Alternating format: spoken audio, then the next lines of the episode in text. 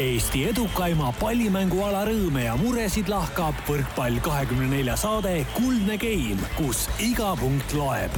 taustajõuna hoiab mängul hoogus ees Kredit kakskümmend neli tere, armsad kuulajad, kätte on jõudnud järjekordse nädala järjekordne neljapäev, sedapuhku neljateistkümnes oktoober ja eetrisse läheb võrkpalliteemalise taskuhäälingu saate saja viieteistkümnes osa. juubel, olgugi et väikene, tähendab seda, et Tallinnas meie kodutänava koduses stuudios on laua peal kaks pitsat ja laua kõrval, aga mitte esialgu veel laua all, lisaks Karin Aldole kaks võrkpallisõpra, Mihkel Uiboleht ja Aivo Vesik. tere mehed, rõõm on näha, et kuigi puudelt on lehed nüüdseks juba suuresti langenud, siis teie õitsete ikka veel suurepärane sissejuhatus, pitsa on hea, ma pean ütlema, et sellist vastuvõttu siin podcast'is pole varem olnud. kui jah, kui sa ütlesid, et puudelt on lehed ära langenud ja isegi oksad on natukene alla kukkunud, siis meil Mihkliga oksad endiselt laiali. mul on nüüd kaks uudist kuulajatele, üks on hea, teine on halb. alustame halvast. alustame heast. Okay. hea uudis on see, et äh, ma olen tagasi ja te ei pea seda Tartu meeste soigumist kuulama halb uudis on muidugi see, et mul on täna ainult poolteist tundi aega ja ainult poolteist võib küll öelda, me seda võime küll julgelt öelda, et meil on sügisel kuulajate arv kasvanud. Äh, võib öelda rekordilisele tasemele. mina nüüd vaatan otsa siin äh, Mihklile, kas sa oled Jalgpalliliidus ikkagi pannud üldmeili näiteks, et täna jalgpallisaade äh, kuulake, et sa üritad nagu kasvõi neil, et nad vajutaks selle nupu peale, et panevad käima selle ja muidugi nagu noh, see on ju selge, et nagu sa õigesti mainisid praegu, sa ütlesid jalgpallisaade on, sa ei olnud võrkpallisaade, sa ütlesid jalgpallisaade, et selles mõttes, noh täpselt sa tead, kuidas seda asja presenteerida. kahtlemata mul on, on väga siuksed huvitavad kummalised inimesed on öelnud, et viimane, viimane selline kogemus oli pärast Eesti Walesi mängu. meie staadioni diktor Jon Mikiver ütles, et, et tema üks tuttav oli talle öelnud, et kuule, et see võrkpalli podcast'is räägiti sinust, see oli siis, ma mäletan, kui ma tõin selle näite, et sa, sa hakkasid norima seal äh, staadioni. ma tegin väikse nalja. sa tegid väikse nalja, aga ma võtsin seda varu tõsiselt ja tõin Jonni nime mängu, et siis isegi nagu sellised seosed on, nii et noh, asi mm, -hmm. asi levib, asi levib ja no see oli, ma saan aru, ka põhjus, eks ole, miks, miks tuua saatesse jalgpalliga seotud inimene. ja, ja me sissejuhatuses ikkagi sellest, äh, sellest äh, alast veel räägime, aga, aga minul on Rivole hoopis küsimus, et palju spordimees võib pitsat süüa? Nii, nii palju, kui ta suudab ära kulutada neid kaloreid mm. -hmm. võib iga päev süüa, aga, aga siis peab midagi liigutama ka. kui palju sina oma sportlaskarjääri tippaegadel pitsat sõid Kristjaniga? Äh, Kristjaniga sõin koos vähe aga ikka, ikka tuli ette jah. väga, pitsa on ju hea. tegelikult, aga mis vahet seal on, kas sa sööd, kas sa sööd nagu hakkliha mm -hmm. tomatikastmes ja sinna juurde siis paned, noh, ma ei tea, paprikat sööd, on ju ja siis sööd näiteks äh, ühe saia peale. kõik samad asjad ju, tegelikult mm, kui nii võtta. jaa, aga mul jäi nüüd arusaamatuks, mida Kristjan sõi. Kristjan äh, sõi, Kristjan kusjuures sõi pitsat. ja, ja sõi, aga mitte nüüd, nüüd, nüüd nagu kuhjaga. aga Kristjan oli, kuidas tal oli, kas tal oli see asi, et, et ta friikartulite peale ei pannud seda ketšupit ja, ja, ja pitsa peale vist pani või? mingisugune tal oli, et ta ütles friikartuli peal, kes siis friikartulite peale ketšupit paneb. see ikka näitab, et äh, lapsepõlv on, on, ütleme, Vene ajal veel. no eks me seal Pärnu kandis kõik siuksed imelikud olime. jah, no pitsa peale. Äh, ma siin selle. kohe paha hakkab Rivo lihtsalt, ma ütlen no, ära. pitsa peal on ju tomatit. ei pane, no sa paned, sa ei pane nüüd päris seda juurde ju midagi ei tea, imelikud, Tartus on imelikud inimesed. on. mina ütlen seda lihtsalt, et on olemas äh, suhkruvaba ketšup, et kasutage mm. seda ja siis on kõik kõik, kõik palju parem, et kui me räägime sellistest lisanditest asjade juurde üldse. suhkur on ainuke asi, miks ma seda ketšupit tahan. õunavaba no, õunamahl on ka olemas. jaa, aga siis võid täpselt suhkrut võid ja alkoholivaba õlu.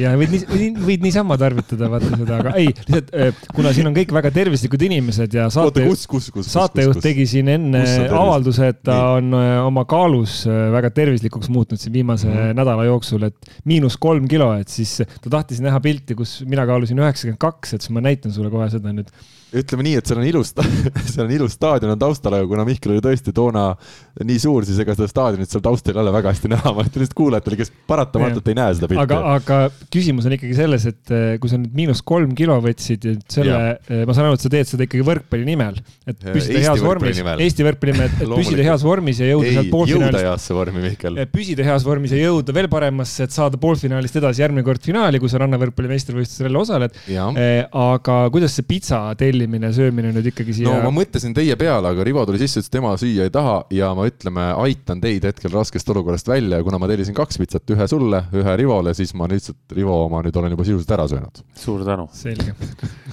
äh, selle jalgpallimängu kohta tuli meelde, mitte nüüd, et jalgpallur, ma ei ütle, et Eesti jalgpallimängijad kõik on halvad, aga üks sõber, kui vaatas seda Eesti ja Walesi mängu, kirjutas mulle, et kuule, et kõik head mängijad mängivad vales võistkonnas. Kuule, aga mina ütlen nii, et minul jälle tekkis, käisin ühe võrkpallurist sõbraga vaatamas seda esimest mängu Valgevenega, noh, ma käisin mõlemat vaatamas siin Mihkli innustusel, aga, aga esimene mäng Valgevenega, mille me siis võitsime ja mulle, kui nüüd sihuke võrkpalli nii-öelda paralleel tuua, mulle tundus küll nii, et meil oli väljakul seal üks selline sidemängija või nurgaründaja ehk siis äh, Konstantin Vassiljev ja siis oli kümme temporündajat ümber, et nad, nad andsid endast parima, aga välja tuli nii nagu ikka et vaatame, mida Mihkel, ma ütlen, see, see lause ei ole öeldud täie tõsidusega, et kui meid jälle võrkpalli kauged jalgpallisõbrad vaatavad, et äh, ärge palun mind maha lööge, et see on lihtsalt selline, selline kerge võrdlus. see on huvitav võrdlus, mina nägin. ma ütlen enne, kui Mihkel praegu tõsise häälega vastama hakkas, ta, ta tegelikult muigas siin nüüd üks viis kuni kümme sekundit. jaa, mina nägin neid äh, liberosid seal paar väljakul ja siis ma nägin paari sellist äh.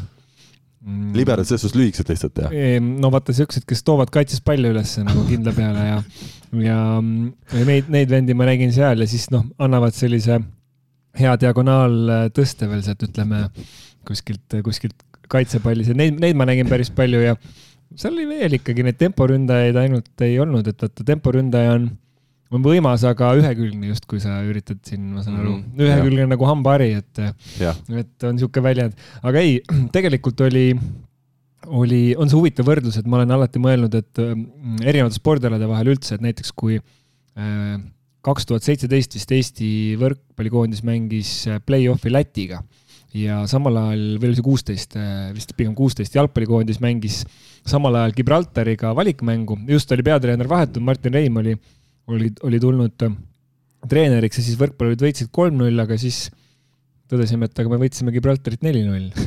et äh, siis oli niisugune mõnus, äh, mõnus muhelus, et, et noh, kuidas ütleme, erinevad skoorid, et kui sa korvpallis mhm. näiteks kaotad viiekümnega, et kuidas sa tood selle nagu jalgpalli või näiteks võrkpalli. et see on olnud pigem minu niisugune võrdlus, et kui sa kaotad game'i, ma ei tea, kakskümmend viis, kaheksa ja, ja nii kolm game'i järjest, et kas see siis on jalgpalli ekvivalent oleks mingi kümme-null või, või, või kaheksa-null, et, et noh, lihtsalt teatud alades see ei tundu nii, nii jube, et kolm-null, okei okay,, aga kui sa ütled, et sa kaotasid kümme-null, noh mm -hmm siis see tundub nagu päris jõhker. minu arust võiks üldse võrkpallis teha ühe game'i näiteks äh, seitsmekümne viieni, et siis jääbki iga mäng, mis sa isegi kaotad, suurele kaotad null-üks, et äh, jalgpallurid vaatavad, et pole paha, et me oleks väga rahul sellise tulemusega. aga mul on siin äh, küsimus, teine mäng Walesiga, mul õnnestus vaadata seda mängu Walesi selle fännitribüüni tagant ja kuna mäng ise ei olnud Eesti poolt vaadates midagi supererilist, siis ma pigem vaatasingi neid fänne ja ütleme juba nii, et kui ma staadionile lähenesin ja nägin neid Walesi inimesi, kes olid Tallinnasse tulnud mängule, siis mul tekkis tekkis küll äh, küsimus, et kas nad üldse jõuavad staadionile, kas nad teavad, kus nad on, kas nad teavad, miks nad on, et no ja see, ja see, kuidas nad seal kaasa elasid, nad laulsid väga ägedalt vahepeal, see oli tõesti lahe.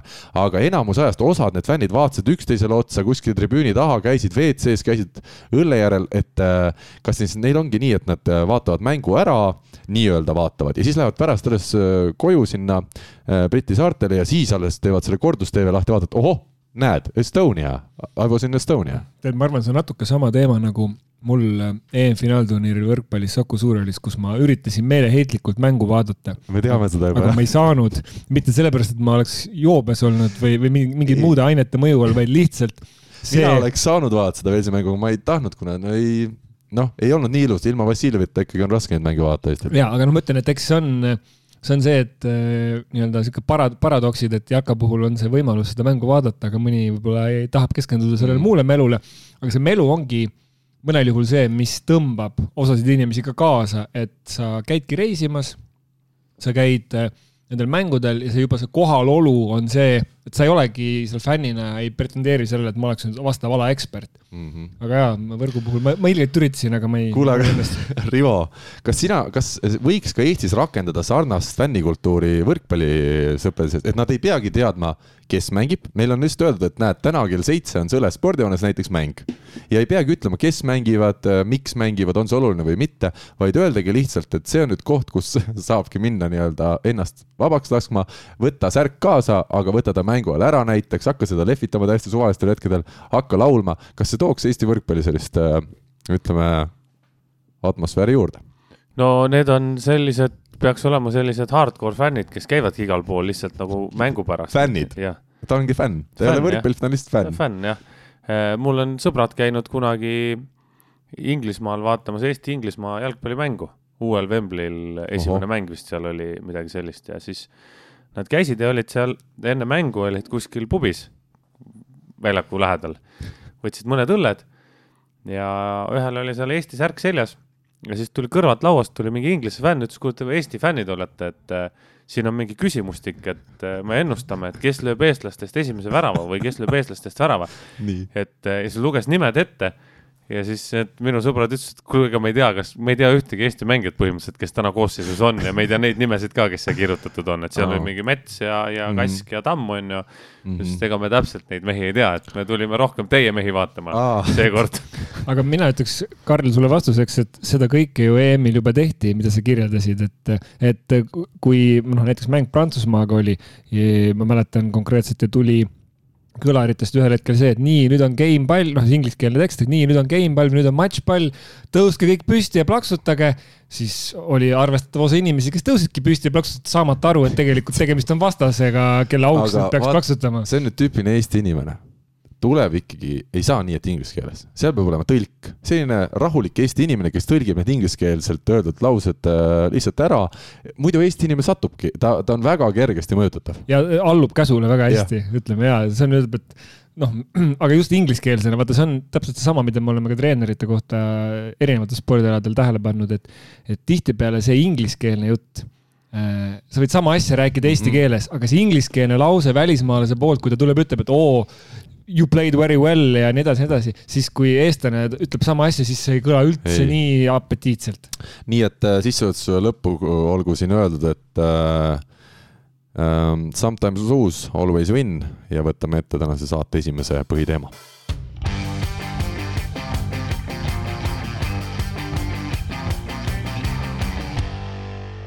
meistrite liiga hooaeg on selleks korraks Eesti klubide osas siis läbi saanud, sest Tartu Bigbank võitis küll mõlemas mängus Lissaboni Benfica vastu ühe geimi, ent edasi pääses lõpuks ikkagi igati teenitult Portugali esiklubi.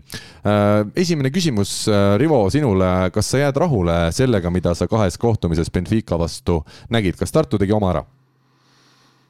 ma, ma tegelikult arvan, et Tartu suudab paremini mängida, kui, kui nad saaksid nüüd oma selle kokkumängu nagu sujuvamaks, et natukene võib-olla rohkem aega oleks Tartul olnud vaja nende mängude mängimiseks, sest äh, juba see, et sidemängijaid vahetati seal edasi-tagasi igas mängus päris mitu korda, näitab, et ega kõikide, kõik noh, mingitel hetkedel ei olnud klappi ja, ja mingitel hetkedel oli seal võib-olla üks sobis ühele ees, ees, eesreas olevatele meestele paremini kui teistele, et äh, ma arvan, et Tartul oleks olnud natuke rohkem aega vaja. Sa, samamoodi noh, Valentin Kordas on ju, ma ütlen täna minu jaoks tema kindlasti ei olnud valmis sellisteks mängudeks, et seda oli kõikides mängudes näha, ta ei, ta ei, ei mänginud äh, nagu oma, oma kohta välja, kas ta täna on üldse valmis Euroliiga mängudeks, ma ei tea.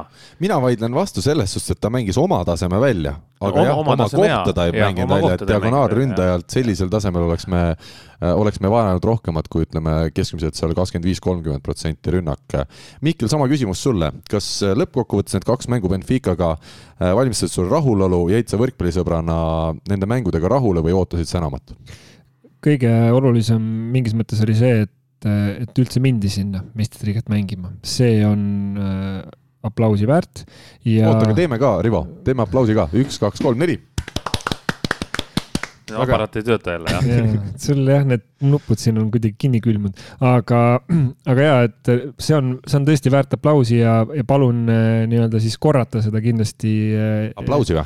ei, seda, seda aplausi ka kindlasti võib korrata, aga palun ka korrata seda meistrite liigasse minekut, et see oleks järjepidev Eesti klubi, ükskõik kes, kes selle õiguse saab, et noh. see peaks olema iga-aastane asi. jah, tõenäoliselt Tartu saab, aga ka sel aastal, aga, aga kindlasti minna, sest et noh, see on, me oleme rääkinud sellest, see on võistkonna kasvamise osas ja järgmine kord, kui, kui on see Kordas või keegi teine sinna läheb, siis ta enam ei, ei värista, ta on oma kooliraha ära maksnud. aga teiselt poolt vaadates, ega vastane võttis ju kindlad võidud, et siin ei ole midagi midagi rääkida, nii nagu Tartu võitis Amrisvilli, nii võitis äh, Benfica Tartut ja noh, tegelikult, tegelikult nii oligi, et me loomulikult tunneme rõõmu omade äh, mängijate ilusate hetkede üle, aga kui natuke distantseerida ennast, siis vastane oli selgelt parem ja, ja noh, ütleme nii-öelda, kui selles midagi positiivset leida, siis mul on üks hea äh, sõber, kes kogub äh, autogramme, siis tema kirjutas mulle kohe pärast eilse mängu lõppu, et no nii, nüüd tulevad olümpiavõitjad äh, Tartusse, et, et, et nüüd on nagu,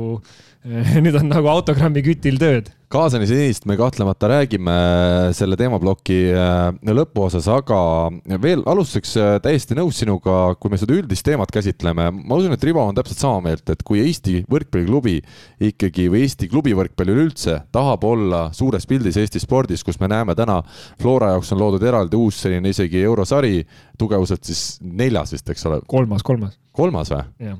Okei okay., äh, kus äh, saab alagrupi turniiril isegi mingil moel jõuda. meil Kalev Cramo mängib VTB ühisliigas, pluss nad mängivad nüüd ka seda Champions League'i ehk siis meistriliigat, mis tõsi, ei ole nüüd sugugi kõige tugevam liiga, erinevalt võrkpallist äh, oma nimest hoolimata. et, et kui me tahame püsida suure pallimängualana ka klubiliselt suures pildis, siis on see võib öelda isegi hädavajalik, needsamad neli mängu, mis me kokkuvõttes meistrite liigas saime, need on hädavajalikud, et hoida Eesti võrkpalli suures pildis aastaringselt. Rivo, oled sa nõus? jaa, absoluutselt. selliseid liigasid peab mängima ja needsamad kaks mängu juba Tartus näitasid, no nüüd kolmas, mis tuleb veel nagu super suurem vastane, eks ju. sest tegelikult, tegelikult kui me praegu räägime sellest, et mängiti meistrite liigas, on ju, meistrite liiga mingisuguseid eelvoore, sii- ja, ja nüüd tuleb üks, üks liiga nagu madalamale kukub Tartu, siis ja tegelikult, tegelikult võistkond, kelle vastane mäng, vastane vastu tuleb, on Benficast kolm korda tugevam vähemalt, et sealt mm -hmm. saaks mhm. Benfica kolm-üks, kolm-null, noh, heal päeval kolm-üks, tavaliselt kolm-null ilmselt, et et see, see, see võistkond, kes Tartusse tuleb, seda tasub kindlasti vaatama minna.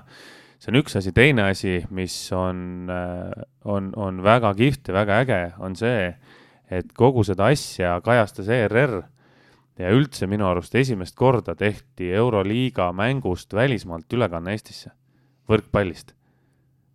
ma, ma võin eksida. sa mõtled ETV-d või? üldse, nagu televisiooni tehti telemäng. telemäng äh,. võõrsil mängust. võõrsil mängust. ma mõtlen arust..., kui selle Noikam Kuunaga mängiti kunagi Saku Suurhallis, ma mäletan, ja siis pärast äh, ilmselt mängiti võõrsil ka, et huvitav, kas sealt tehti, et vaevalt. ei tehtud, ei tehtud, ma ise, ise mängisin just. seal, ma sain isegi ühes game'is mängu ei ole nii siis on hea, et ei ole pilti säilinud, ma arvan, sinu hea. enda, ütleme, maine kujundamisel. aga, aga jah, seal see minu arust oli see esimene mäng ma võin eksida. ma olen aga... sinuga ilmselt nõus, sest äh, lihtsalt isiklikult olen teinud neid mänge koondise tasandil stuudiost omajagu, aga, aga küll, klubi jah. tasandil, kui nii hakata mõtlema, sest me oleme meistrite liigat mängisime kaks tuhat kuusteist, seitseteist mängis Selver ja vot seal on nüüd see küsimus, et me mängisime Belgradi Cervena Svestaga, kas seal oli võõrseid ka mäng, pigem ei olnud jah? kindlasti ei olnud. ja kui me oleme mänginud muidu, eks ole, CF Challenge Cupi peamiselt, siis seal ei ole küll seal ei ole kodumängud, kodumängud on olnud. kodumängud on olnud olnud Kanal kaksteist viimast aastat.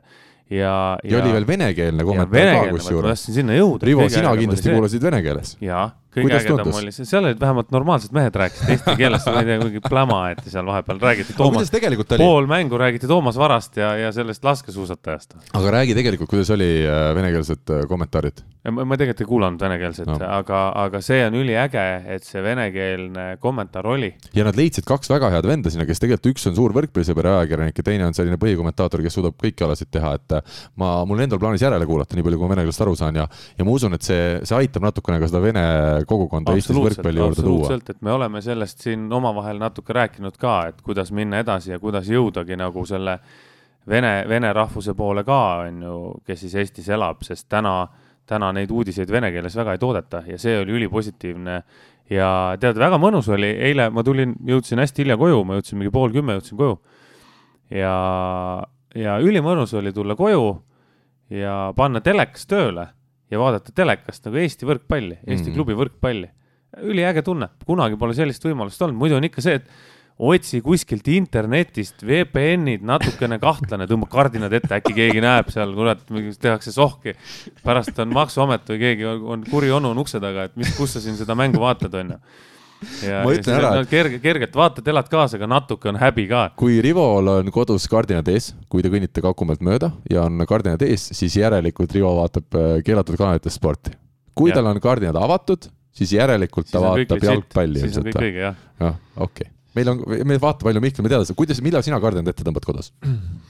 siis, kui magama lähen, siis kui saab pimendada vaja tuba. aga, aga ma tahtsin selle kommentaari kohta öelda, mis, mis Rivo siin te tegi nii-öelda jutumärkides komplimendi siin paarile Tiisler ja Rinaldo. siis ega selle hetkeni, vaata see käis väga hästi korrelatsioonis mänguga, selle hetkeni, kui mängus oli põnevust, ehk siis äh, kuni kolmanda game'ini, mehed rääkisid ka mängust, aga neljas game oli, mina muidugi vaatasin, pingutasin lõpuni, nagu ka teie, aga tõesti, seal räägiti juba äh, millest iganes ja see ei, ei olnud enam spordireportaaž tegelikult, kui me niimoodi mõtleme, aga see tingis selle, mis väljakul oli, seesama see nii-öelda mõttetu game, eks ole jälle mm. -hmm. Äh, aga ühesõnaga jutu point on see, et me väga loodame, et Tartu Bigbank või kes iganes järgmisel aastal suudab korraliku võistkonna komplekteerida, saab ka õiguse meistriliigas osaleda, et et see on ikkagi, see meistrite liiga iseenesest loob eelduse, et on huvi suurem võrkpallisõppedel, tavaspordisõppedel ja ka, nagu me näeme, Rahvusringhäälingul. oleks siis needsamad mängud olnud CEF Challenge Cupil, ma väga kahtlen, kas need oleks jõudnud Eesti telepublikuni ja see, ja see peab olema loogiline, et Eesti tippklubil on väljund äh, eurosarja, see peab olema iseenesestmõistetav. Ja ma rääkisin ka, noh, kuna neid mänge sai tegemas käidud, et, äh, et näiteks äh, miks Tartu Bigbanki kasuks otsustati, oligi see, et meil on kõik mängijad ja treenerid on eestlased. et nad ütlesid, et noh, CEF Challenge Cupist ilmselt ülekandeid ei tule, noh, eks ERR-il on ka väga, väga ütleme, alati vaja ju ära põhjendada seal omakeskis, miks millestki ülekannet tehakse. võrkpall niikuinii on väga halb ala, telealane sest sa ei tea, kas see mäng saab läbi tunniga või läheb ta kaks pool tundi. aga ühesõnaga jutu point oli jah see, et Pärnul tänavu on ju noh, ütleme Silver Maar, võtame Markus Uuskari, paar noort veel, aga, aga suuresti on võistkond sellistest mitte midagi ütlevatest äh, välismaalastest komplekteeritud ja seetõttu äh, noh, ei oleks nendest võib-olla, kui nad isegi oleks mänginud meistriliigat, ei oleks võib-olla ülekannet tehtud. ka tunnustan seda selles mõttes, et äh, tuues jalgpalliparalleeli Flora on kolme eurosarja peale ainus võistkond, kes on jõudnud alagrupi turniirile, kes mängib ainult oma äh, koduriigi, mängijatega ja noh, ma ei tea, võib-olla Tartu Bigbank teeb sama äh, võrkpallis, noh, niisugust statistikat ju ilmselt pole, pole tehtud, aga ma eeldan ka, et enamikes võistkondades on vähemalt paar legionäri sees, aga see on ka noh, minu meelest Alar äh, Rikberg põhjendas seda ja selgitas seda väga ilusti siin, kas eelmine kord või oli see tookord, kui, kui Amrisvilli võideti just sedasama loogikat, et ei ole mõtet tuua välismaalast lihtsalt välismaalase toomise pärast Äh, nüüd saab äh, natukene detailsemalt rääkida eilsest mängust. me kaotasime siis võõrsil äh, selle mängu üks-kolm, pealtvaatajaid oli ametlikel andmetel nelisada. tuletame meelde, Tartus oli savamängul seitsesada pealtvaatajat ja mis oli meie puhul ikkagi huvitav, oli see, et Martti Juhkami lõpuks liigutati diagonaali kohale, kui Valentin Kordas oli mängu taas suhteliselt kahvatult asend- äh,, alustanud, toodi siis Juhkami diagonaali, liigutati ta siis nurgaründaja kohalt ümber ja toodi väljakule Tamur Viidalepp.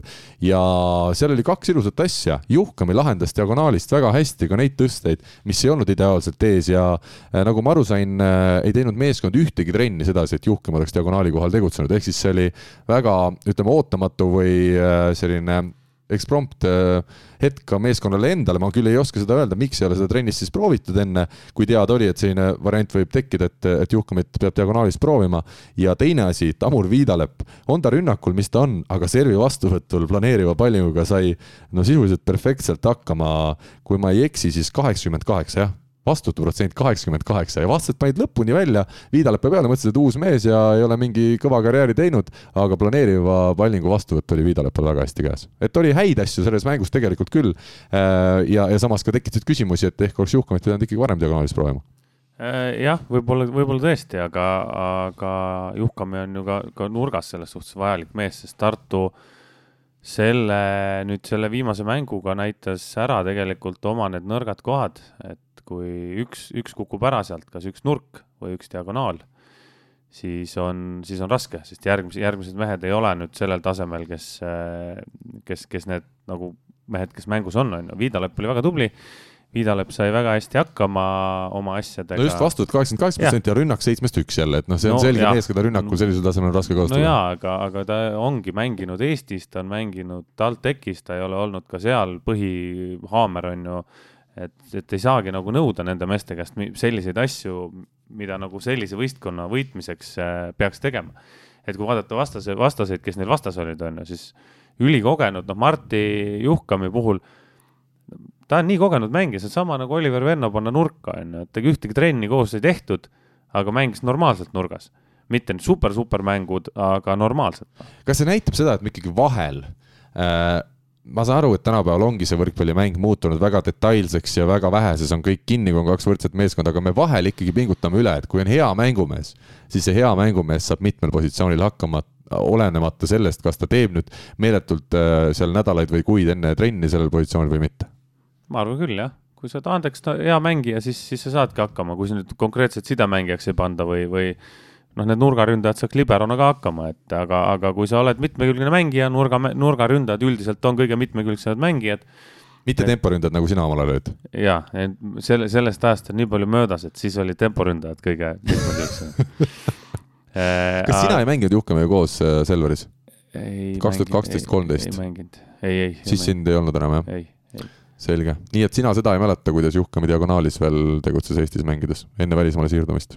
ikka mäletan, ma mänge olen näinud, noh, selles suhtes äh, ma räägin, mitmekülgne mängija, ta on mänginud seda positsiooni, ta on mänginud isegi vist Saksamaal või kus ta seal mängis, Prantsusmaal, kus ta mängis ka mingi, mingi pool, paar mängu on mänginud diagonaali, on ju. jah, jah, mingites olukordades on ta ikka kasutatud, jah et äh, ma arvan, et see tema jaoks nüüd mingi tutikas olukord ei olnud, on ju, ja see oli Tartu jaoks ainuk-, ainukene lahendus sellel hetkel ja mis ka teises game'is väga hästi töötas, sest ilmselt ei olnud ka vastased valmis, valmistanud selle jaoks, et nüüd Juhkami läheb diagonaali, toimus kerge vahetus, oli näha, et vastastel oli nagu kerge paanika. aga noh, nagu Mihkel ütles, on ju, et võistkonna klass oli nii tugev, et kui nad Lõpuks sellega ära harjusid, siis võeti juba Juhkami ka päris mõnusalt vahele, et seda Juhkami rolli me tegelikult, ma ei tea, kas me saates rääkisime, aga omavahel vähemalt Karliga me rääkisime juba enne Amrisvili mängu. ja siis me arutasime ka seda, et kas, kas teda võidakse seal positsioonil kasutada ja noh, seal ei olnud nagu seda, seda vajadust. aga minu arust Tartu võttis ja pidigi võtma ju riske, et üks risk oli Eermaga alustamine mis ei õigustanud ennast, nagu, nagu tuli välja. mingis mõttes oli, oli ka risk see, et ei pandud, ei tehtud kohe seda käiku, et ei pandud äh, kohe äh, Juhkamit teise positsiooni. Äh, aga noh, Rikberg pidi nagu riskima, et siin ei olnud, ütleme, ajada nii-öelda veel üritada teravaks seda ajada ja noh, võib-olla see teise game'i võit oligi selle selle tulemuse, et aeti ikkagi vastane natuke tasakaalust välja. ja Viidalepa puhul on ju lihtne, et, et ta on ju mänginud pikalt jalgpalli kaks tuhat viis kuni kaks tuhat kaksteist, üheksakümmend neli mängu Eesti noorte meistrivõistlustel, viiskümmend üheksa väravat, üks kollane kaart, koos Mattias Käidiga mängis Levadia äh, üheksakümmend seitse sündinud äh, noortes ja U viisteist koondise kogunemisele jõudis ka jalgpallis, nii et noh, siin on selge, miks ta Aa, õnnestus. kas teil on, meil on võrkpallis nii, et loetakse koondise mänge, kas teil jalgpallis loetakse kogunemisele jõudmisi, äh, eelnimekirja, eelvalikusse kuulumist, treeneri mõtetes olemist, teil on kõik sellised erinevad listid? ma lihtsalt vaatasin, et ta on korduvalt U15 koondise kogunemisele kutsutud ja mm., ja ei käinud, et, et selles mõttes noh, jah, võib-olla vähesed teadsid seda, aga, aga, aga taust on, taust on ju tugev, et, et. aga vaata, see on nüüd see näide, kus äh, sa näed, kuidas inimene, eks ole, ta kasvab, ta saab targemaks ja ta lõpuks teeb elus õiged otsused. Rivo, oled sa ju nõus? Tammur käis alguses, ta käis kogunemisel, kogunes, kogunes, kogunes, mängis jalgpalli, kogunes jälle ja siis ta nägi, et ahaa, võrkpall, käed, võrk, serv. ja ei, ma olen nõus sinuga. ja ta sai aru. Õue Kallasuu oli ka ju noh, ja lõpuks tuli ju normaalne inimene, eks ole, ja mängis võrkpalli. isegi tal, ma olen kuulnud sellist lugu, et, et Pärnu treener, ma ei mäleta, mis selle treeneri nimi oli seal ühesõnaga ei ole oluline, et Pärnu treener käis äh, Õue Kallase vanematega rääkimas ja pakkus neile pesumasinat, et poiss tuleks jalkatrenni võrgutrenni asemel. aga aga, aga Kristjan on äraostmatu ja, ja tal on praegu väga hea pesumasin. tal on väga hea pesumasin, Bosch, jah tsentrifuugiga, just tsentrifuugiga pidi olema. on, on ju väga hea, kusjuures see on kvaliteetne värk, aga ma olen kuulnud ka vastupidiseid näiteid, kus ei ole nii hästi läinud inimestel. näiteks Tarmo Neemela mängis võrkpalli, kõik oli hästi väga ilusti sidemängija, tõstis, super. karjäär siis, oli pikk ees. jah, ja kuidagi ta sattus, ta libises, oli libe päev ilmselt ja ta libises jalgpalliväljakule ja ta ei, ta ei saanud sealt minema. hüppas nagu niimoodi liblikaga saalis, libises välja jalkaväljakul, see Türil. uks oli jäetud lahti. Türile jalgaväljakule, Tuule tõmbus, ta oli kõhna poiss vanasti. Tuule tõmbus oli ka, tõmbas natuke kaasa. ja, ehk siis alati pange tabalukuga uksed täis saadesse. jah, jalka, jalka, kohe otse jalkasse nii, mis ei vedanud, ei vedanud tal. ei tea, huvitav, mis pesumasin tal praegu on. tal ei ole, minu teada ta peseb käsitsi, käsitsi, muidugi. no millega sa pesed siis? ja, ja kuivatab, kuidas siis, jooks, paneb selga ja jookseb ümber maja või? no seal jalkas tehakse nii harva trenni, ma arvan, et tal selleks ajaks kujub lihtsalt ära, kui on järgmine trenn no.. noh, ma ei tea, aga Mihkel võib siin parandada, me ei ole võib-olla me ei ole kursis nii palju, vaata me, me teame ainult võrkpalli glamuuri. ja vaata, jalka on võtnud selle sellise Eesti spordi kandva rolli endale et me kasvatame teistele aladele. aga omale ei jäta kedagi? omale jätame ka, nagu sa nägid äh, nagu sa isegi nägid, päris pikk temporündaja Karl Jakob Hein võiks olla, eks ole. niisugune, niisugune pikk, pikk ja, pikk ja hea poiss, onju.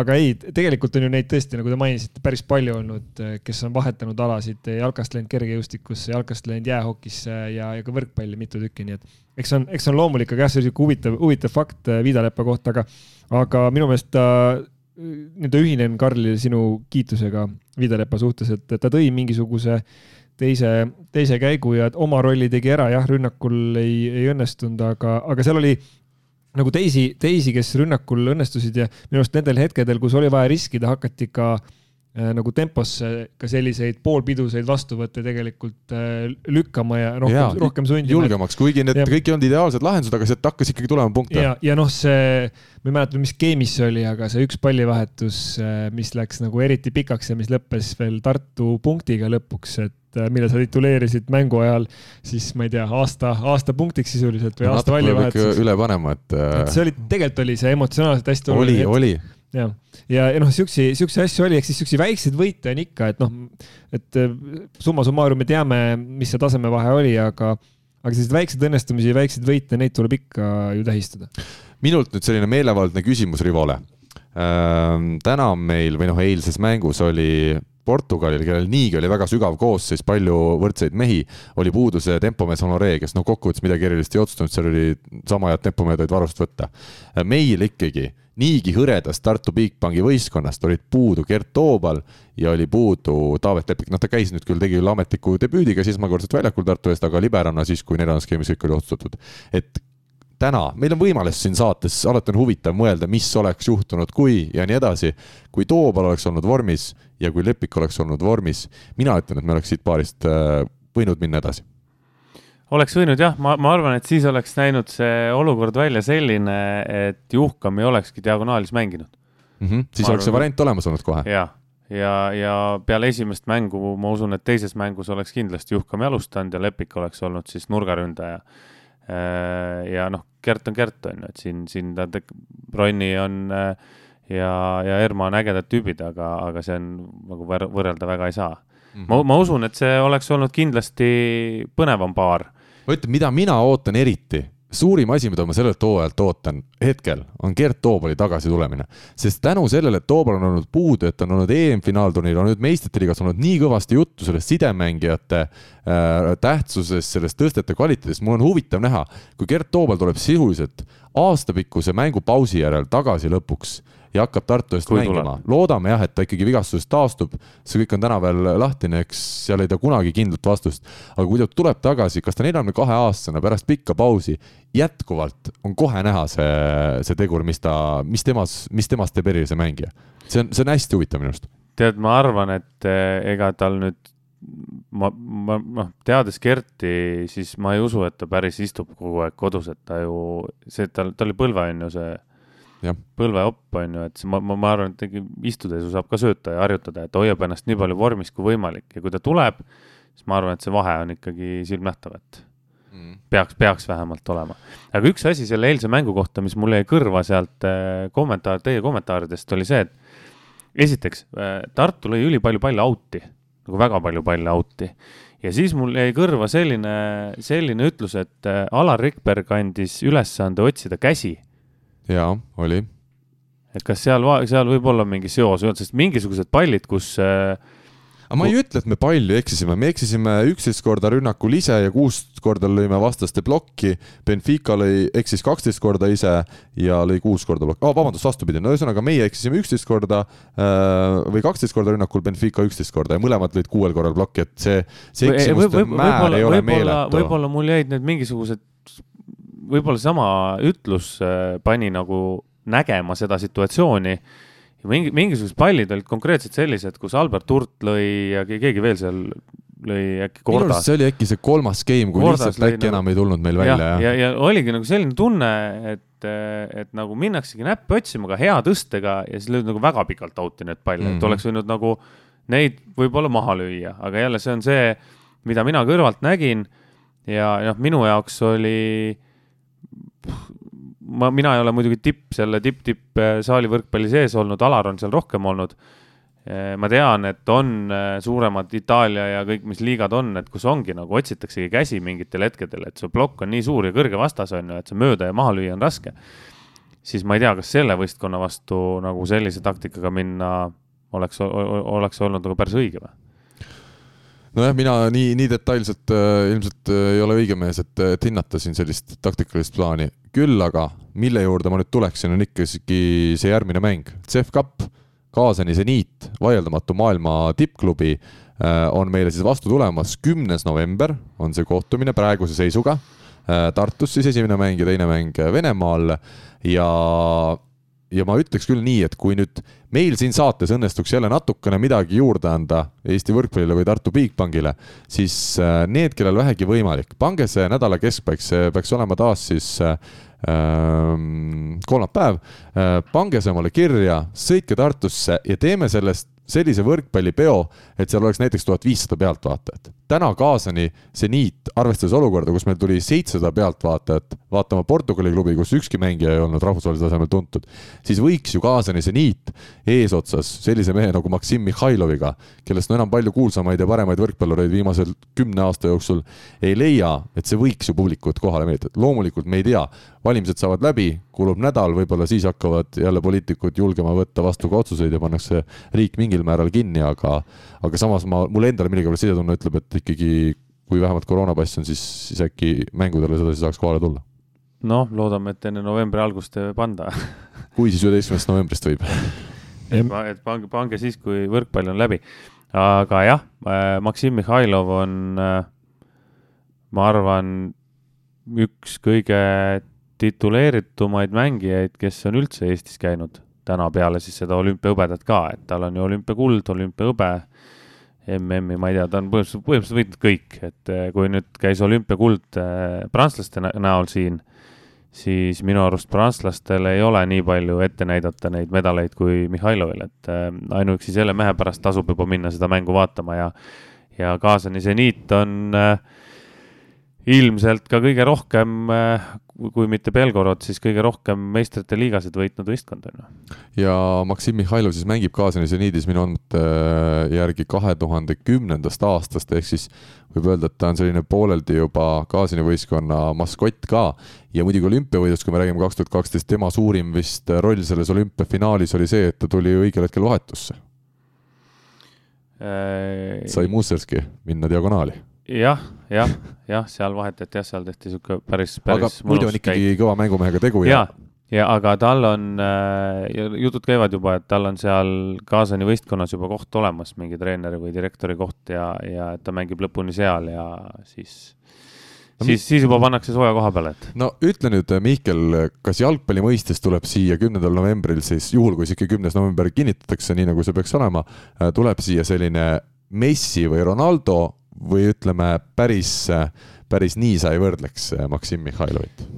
no seda ei saa jah nii võrrelda, sest et, äh, sest et noh, vaata, üks on, äh, Messi, Ronaldo on tuntud väga laialt, et teine inimene on tuntud oma, oma ala sees, et see on see vana vana teema, et kui sa lähed küsid tänava peal, et nimeta mõni tuntud jalgpallur või näiteks ka mõni tuntud korvpallur, siis enamikel tuleb nagu küllutusarvest, aga nimeta mõni tuntud käsipallur maailmas või võrkpallur, et siis noh, pigem on, on keerulisem selle asjaga. aga mina ütleks, et toetama tasub saali minna, ma olen selle poolt alati, jah, ma saan aru, see see, see sündmus on suurem, kui tuleb vastane, selline eriline vastane, aga tuleb minna toetama alati omasid ja see tähendab, et kas nad mängivad Amrisvilliga, Benficaga või, või mõne olümpiavõitja vastu. mina lähtun nagu sellest, et ma lähen alati kohale, et et, et ja neid inimesi peaks nagu rohkem, ma saan aru, see melu on suurem, kõik nii edasi, mõistan ja, ja see tekitab täiendavaid võimalusi ka klubi tegemist tutvustada. aga see kuidagi see, see, see mõttelaad võiks olla olemuslikult see, et ma lähen Tartu võistkonda toetama. ja mina siit äh, edastan omapoolsed äh, edusoovid siis ka Tartu klubile kahtlemata, see on nüüd võimalus, kus on vaja, mitte, mitte võimalus, vaid siin ongi vaja teha turundust. panustada sellesse, et saada Eesti klubivõrkpalli euromängu vaatama ikkagi, ütleme noh, kui need koroonapiirangud ei takista, siis paar tuhat pealtvaatajat, kui tehakse head tööd kui tehakse tugevat turunduslikku tööd, mis hakkab tänasest päevast pihta, ma tean, Hendrik Rikandil on äh, tuhat ükssada nelikümmend kolm erinevat ülesannet ootamas ees selle vahepealse aja jooksul. aga kui nüüd õnnestuks kuidagi tartlastel panna pea kokku, korra mõelda, kuidas me turundame selle mängu nii, et meil tuleks tõesti saal rahvast täis, siis kokkuvõttes võidaks sellest kõik, ka Tartu klubi ise. kindlasti, see on noh, see iga selline suur sündmus annab, annab sellise noh, nii praktiline kasu äh, rahalises mõttes äh, korraldajale, aga veel suurem on selline noh, see tekitab sellise mõnusa tunde, on see, on need toetajad, on need inimesed, kes tulevad kas, kas ise või, või oma lastega võrkpallitrenni, et see on ikkagi suurem asi ja see annab mingile kultuurile jälle ja just see, et miks see kõik on, tuleme alguse juurde tagasi, see on sellepärast, et et üks klubi on äh, võtnud ette asja, mis peaks olema loomulik igal aastal, aga ma saan aru, see on, see on keeruline samm ja, ja noh, noh, ütleme äh, väga suur tunnustus neile selle eest. Rivo, ma siin vaatan need meistrite liiga edasipääsejad veel kiiresti üle, et, et ka sellist laiemat pilti natukene meistriliigast pakkuda, aga vahepeal ma küsin kiiresti sinu käest, kuidas on seis täna sinu ja Venemaa rannavalve koondisega? oled, on sul nüüd keegi eristanud? Seis on sama, noh, rääkisime jutud ära, mina saatsin paberi ja nemad saatsid saadavad ümbriku. Nemad saatsid paberi tagasi, üks-null oli maha tõmmatud, mina saatsin uue paberi uue numbriga ja niimoodi ta tiksub praegu, et. kas tegelikult ka on nii, jah? jah, ega, ega, e, e, aga nii ongi, mis seal on, selles suhtes, et mina tahan jätkata, nemad tahavad, et mina jätkaksin. ja nüüd on vaja kokku leppida siis äh,, kokku leppida siis numbrites, noh ja, ja, ja, ja tingimustes, et äh, kui palju, mis ja, sest need, need lepingud äh, on, on lepingud, lepingud, et need ei ole, need ei ole sellised, kuidas öelda siis äh, noh, et meil Eesti liigas tehakse leping, kus on üks A4 lehekülg on ju ja siis kirjuta siia alla, kirjuta sinna alla, et et nendes lepingutes on kõik kirja pandud, kui palju on, millal mul on puhkused, kui palju mul on puhkuseid, miks, miks ma puhkan, kus ma puhkan ja kellega ma puhkan, umbes niimoodi, et mm.. et see on ikka leping, leping, jah. selge, nii et Rivoga ma usun siis puhkama minna ei tasu, sest Venemaa riik hoiab sellel silma peal ja kunagi ei tea, mis juhtuda võib. suur vend jälgib. aga meil on siis teada meistrite liigas äh, eelringis, kes pääsesid teise ametlikku siis eelringi. Valgevene, Kreeka, Soome, Portugal ja Tšehhi on praegu siis viis kaheksast võistkonnast ja viimased kolm siis on ka selgumisel ja noh, kui vaadata esimesi mänge, siis Las Palmas peaks veel minema edasi, ehk siis Hispaania, äh, siis peaks minema edasi veel üks äh, Slovakkia klubi ja siin on veel Montenegro ja, ja Horvaatia. seda me hakkame alles ennustama, mul see... on kõik järgi vaadatud juba. arusaadav, see on, äh, see on hea, sest et järgmine rubriik tundub, et midagi ennustamise moodi võibki meil olla kes võidab keda, kas sina oskad ennustada seda? spordiennustus portaalis Pahv Pahv lööb pahviks. ja Pahvi ennustusmängu rubriik ütleb meile siis seda, et Rivo, sa eelmisel nädalal ei osalenud saates, see tähendab, et sinu saldo jäi pidama äh, kahesaja viiekümne neljale eurole. oled sa meil jätkuvalt liider. Mihkel samuti on siis kõrget mängu mängimas, küll eelmisel nädalal pani nüüd natukene oma asjadega puusse Uh, uskusid, et Minsk võidab naiste meistriliiga mängus Pireuse olümpiaakost, olid nad tõesti lähedal sellele, koefitsient kaks koma kaheksa, aga lõpuks ikkagi kaks-kolm kaotus. no vaata, nende võidukoefitsient oli kaks koma kaheksa, mis tähendab, et tegelikult olid outsider'id.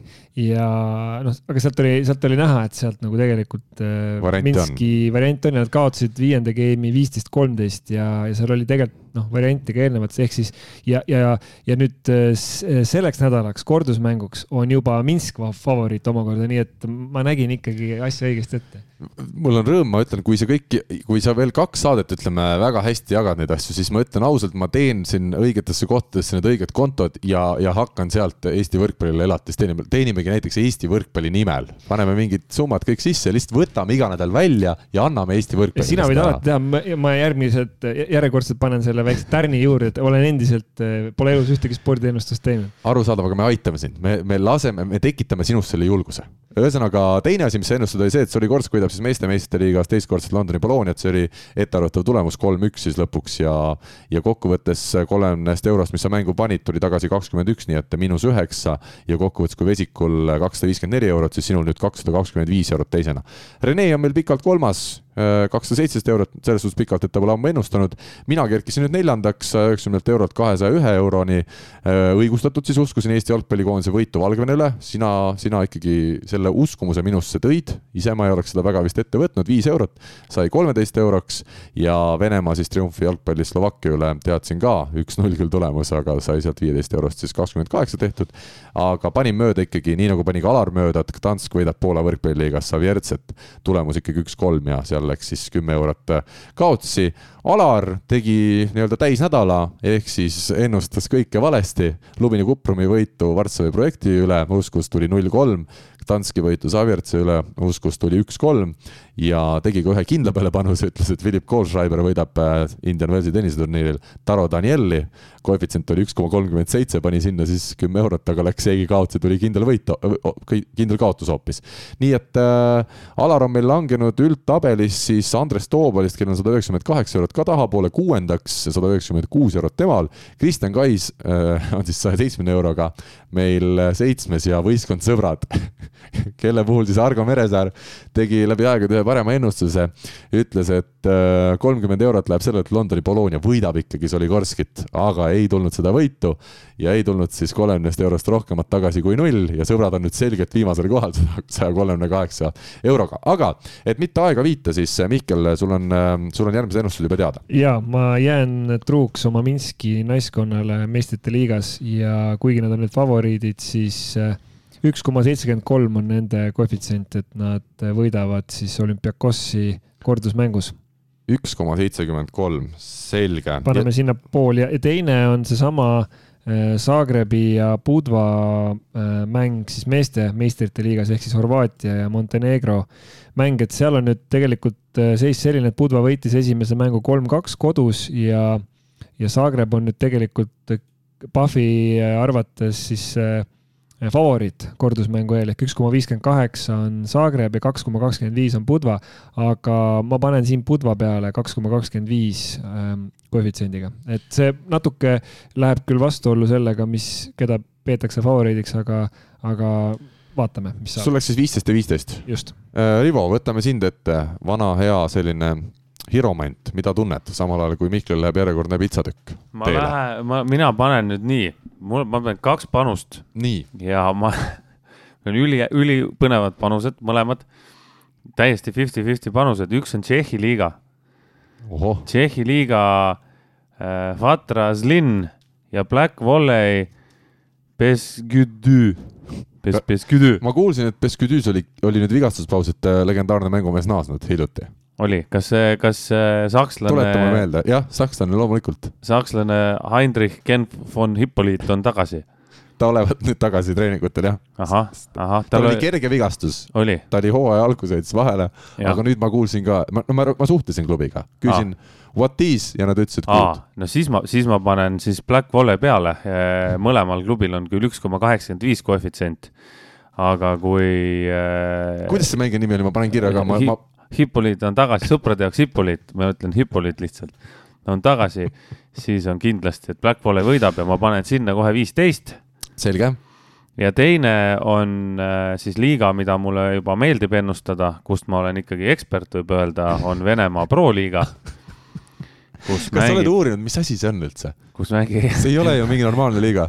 Olen küll uurinud, ei Nii. ole, kusjuures tegelikult ei ole aga võiks, võiks kusjuures välja uurida, et ma, ma luban, ma järgmiseks saateks uurin välja, mis asi on Venemaa Pro liiga, ma arvan, et see on, ma arvan, et see on üks, kas teine või kolmas liiga seal superliigast järgi tuleb kuskile alla mm, -hmm. ma, ma arvan sedasi umbes. aga Venemaa Pro liigas on ka huvitav vastasseis, on Empire Pro ja Energy Pro omavahel mängivad. Empire Pro koefitsient on üks koma kaheksa Pahvi andmetel ja Energy Pro on üks koma üheksa Puffi andmetel ja ma võtangi siin nüüd selles superägedas Puffi ennustuskeskkonnas, võtan suure riski ja panen Energy Pro peale. kas, kas ma mäletan õigesti, et Sergei Kolubartovtsev on nüüd naasemas jälle, ta on tagasi oma vanas koduklubis Pros? seal, kus ta alustas oma karjääri kunagi noorena. No, noore, noorena, jah. ta tuli jalgpallist üle, ma mäletan veel. Äh, jah, jah, täitsa võimalik, et äh, ma viimasel ajal ei ole seda liigat suutnud nii, nii hullult jälgida, aga täiesti võimalik, ma tean igatahes, et äh, et Empire Pros äh, ei mängi sidemängija Ivan Ivanovitš Ivanovski ja, ja sellepärast ma julgen ka panna selle Energy Pro peale siis viisteist eurot ja koefitsient on üks koma üheksa. Väga hea. Nii, ja mina siis äh, loomulikult äh, meeldib mulle vastanduda, saate mängu huvides ütlen mina, et Pireus olümpiaakos, kes võitis siis naiste meistriliigas selle esimese, meistrite liigas selle esimese mängu äh, Minski vastu kolm-kaks, võidab nüüd võõrsil ka, koefitsient on kaks koma null, nii et topin oma viisteist eurot sinna. Ja teine ennustus, ütlen, see tuleb nüüd selliselt alalt nagu, nagu e-sport. ja siin on nüüd väga keeruline öelda isegi, millega tegu on, ma võtan lihtsalt e-sports lahti siit äh, ennustusportaalist ja siin on praegu siis selline, no vot nüüd, keeruline, Blast Premier, ütle sa, mis liiga see on, CS-GO, aa, see on Counter Strike, sihuke mäng on vist olnud kunagi. Mihkel noogutab, järelikult see peaks olema õige. Ja mida ma nüüd näen, on, on see, et, et, et üks, üks tubli võistkond nimega OG võidab Complexity Gaming ut. nii et äh, seal on üks koma kuuskümmend viis on koefitsient ja ma ennustan, et äh, nemad selle mängu võidavad, sinna läheb siis ka viisteist eurot. Äh, ma arvan, et tänane ennustusrubriik on meil kiiresti ja korralikult läbi tehtud, kuna teemasid jagub, kas lähme edasi? Rivo, Rivo, see on ikka õudne, on ju, see mingi e-spordi teema ja saatejuht veel kuidagi nagu. ärme, ärme promo seda. ma ei, ma ei saa aru ja. nagu, et saatejuhil nagu. ja ma ütlen ausalt, ei ole ka mina suur e-spordi fänn siin räägitakse mingist sportlikust vormist ja miinus kolmest kilost, et ma ei tea. ei, aga see ongi, kui sa mängid arvutimänge, sa ei jõua samal ajal süüa. sul on ju mõlemad käed kinni. Okay. miks ei jõua? no ei jõua ju. ma ei, ma ei, ausalt öeldes ma hakkasin praegu mõtlema, et ma ei mäleta, millal ma viimati mõnda arvutimängu või ka Playstationi või midagi mänginud olen, see on nii kauges lapsepõlves. mina arvan, et tegu on halva mäluga, võib-olla eile õhtu viimati. ma ütlen vahele, Kaasani seit, ma tegin enne eeltöö ära. kümme mängu on sel hooajal mänginud. meeskond, kellega me siis CEF Cupis mängime Nad on võitnud kolmkümmend game'i ja kaotanud kaks. nii et see on ikka. no okei okay,, Venemaa meistriliigas on see kõva tulemus, kõva, see, vot see on tase. aga head sõbrad, läheme edasi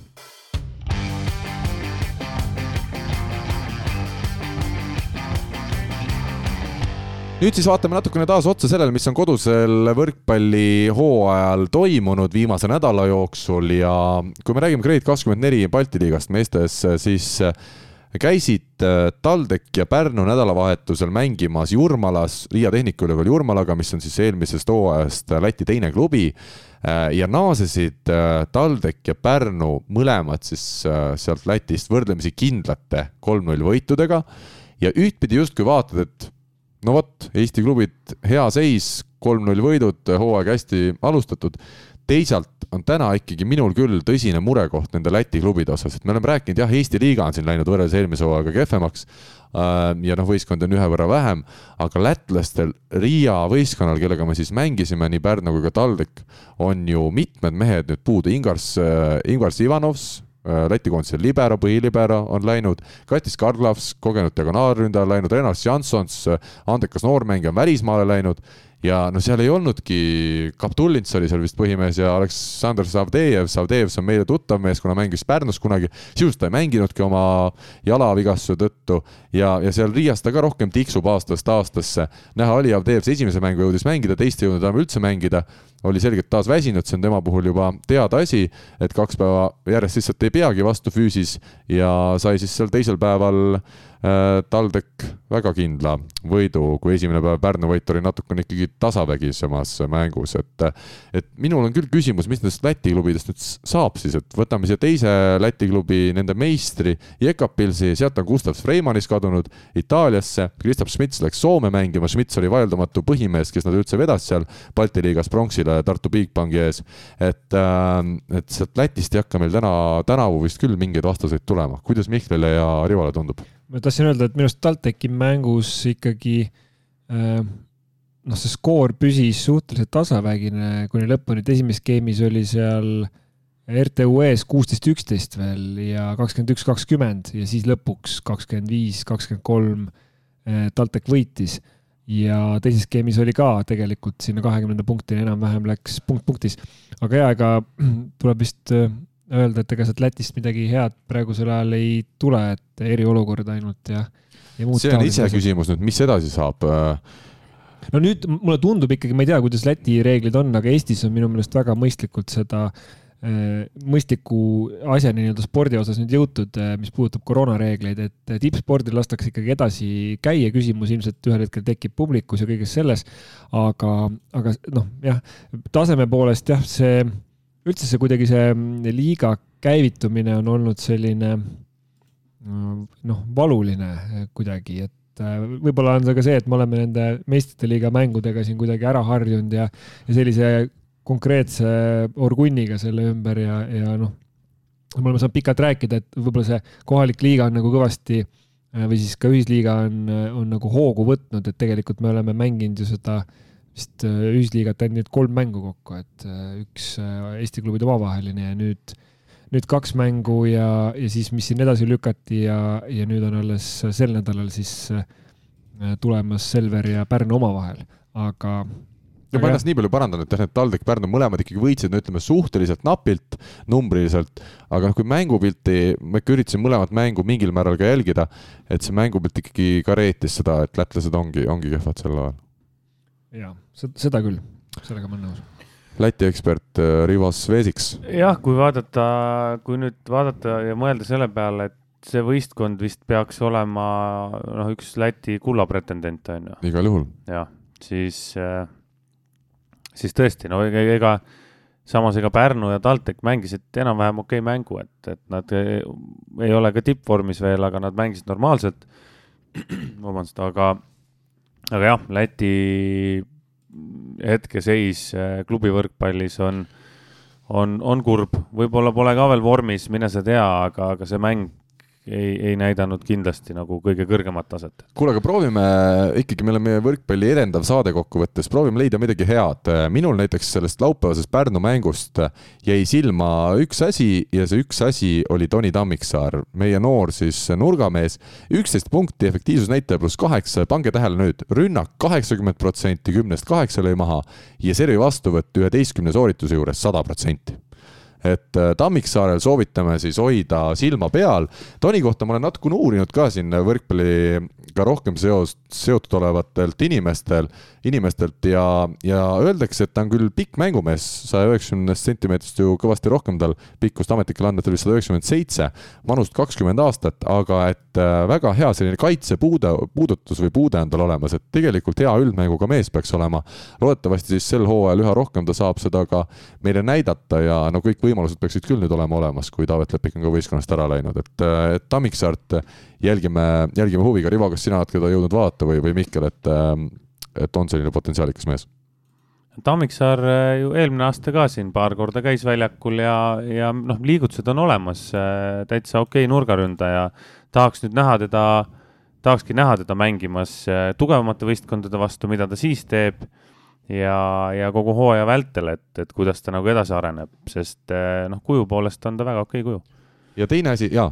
ja ma tahtsin lihtsalt Tammiksaare lisaks öelda, et eh, mind huvitab näiteks Markus Uuskari, kuidas tema eh, hakkama saab, võib-olla siis noh, ta oli ju Tartus ühel hetkel sellises rollis, kus temast nagu oodati ja oodati ja, ja, ja noh, temas on seda, seda sisu mina, ma loodan endiselt sees, et, et ta noh, ta on erinevates klubides mänginud, aga ta ei ole sellist sellist taset nagu saavutanud, et ta, ma ei tea, siin näiteks koondise uksele koputaks äh, või ütleme, lööks selle koondise ukse lahti, et samal ajal tüpaažilt äh, noh, ikkagi väga sihuke andekas ja näha, huvitav näha, mis rolli ta nagu seal Pärnus äh, selles mõttes mängima hakkab, et kas ta võtab, kas ja kui palju ta nagu enda peale seda asja, asja võtab, et mina teda Tartu aegadest nagu niimoodi ühe silmaga jälginud. On kakskümmend neli lihtsalt, ma mõtlen seda, et kahekümne nelja aastasena reeglina on mängijad ikkagi jõudnud oma kas tippu või siis tipule väga lähedale. nõus aga kui me vaatame TalTechi, siis äh, mängu parimaks valiti äh, siis TalTechi poolel Jan-Markus Üprus, äh, kahekümne ühe aastane nurgaründaja, kes tegutses olude sunnil temporündajana, ei saanud siis Mihkel Tanila minna kaasa mängule ja Remo Tornil olid noorteklassi mängud veel. nii et, nii et Üprus esimest korda temporündajana kõvasti seal eelmistes trennides enne seda mängu nähti tema kallal vaeva, viiest tõstes lõi neli maha sai ka kahel korral vastuvõtul mingil moel tööd, äh, noh, temporid need ikka vahel paar puudet seal teevad. Ja kaks servi ässa, kokku kuus punkti pluss neli, nii et selline tore, tore uudis ka, et Jan-Markus Üprus temporündajana kohe esimeses mängus mängu parim. ma saan aru, et see uudis, et Sirelpuu paneb ketsid jalga ja, ja läheb ise temposse mängima, et see oli ikkagi niisugune kahjuks selline PR, PR-lüke, et mina oleks küll väga tahaks näha Sirelpuud uuesti väljakul, et äh, ma saan aru, et see võib väga kole vaatepilt olla, aga ikkagi oleks tore nagu näha ja, ja, ja nii edasi, et aga, aga noh, eks see, eks see väike, väike nali, mis, mis tehti, näitabki natukene seda seda õhukest seisu ka, mis TalTechil oli ja, ja noh, seda ikka juhtub, et sul paar põhimeest on, on väljas ja kuidagi see hooaja algus on jah, nagu ähm, noh, kogu selle komplekteerimise mõttes ka, et natuke üle kivide känduda, et ikkagi, kes mängivad ja kes on vormis ja noh, siin Selveriga oli ju sama teema esimeses mängus, et ei olnud veel mitut põhi, põhitegijat, et natuke vara on, kui mõne võistkonna kohta veel rääkida Äh, nädalavahetusel ah,. ma ütleks vahele siin äh,, ütleks vahele kohe sellise rannavõrkpalli kommentaari, et kui, kui, kui pikk see üprus on? üpris pikk.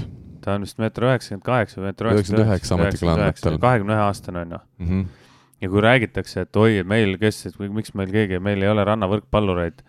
See mees on Tartu ne-, või selles äh, neljas nurgaründaja. TalTechis. TalTechis ja üle, selgelt neljas kusjuures. selgelt neljas, täpselt. kolm meest ees on ju Meius äh,, Tamme ja kes meil seal veel on, Saar. nii, ja miks, kui, kui nagu oleks alaliidul toetussüsteem, et ta saakski nagu noore sportlasena näiteks rannavõrkpallikoondises teha trenni, ta kasvab kahe, kaks null ühe pikkuseks, ta on nurgaründaja, tal on vastuvõtt olemas, noh meil tegelikult on mängijad olemas, lihtsalt neid ei ole keegi üles leidnud ja keegi, keegi ei toeta neid. mina olen sinuga, sa tead, rannavõrkpalli teemadel üha rohkem äh, samat, sama meelt, aga, aga TalTech ilmselt küsib siin vastu, et aga meil on vaja ka neid äh, nii-öelda kehasid trenni.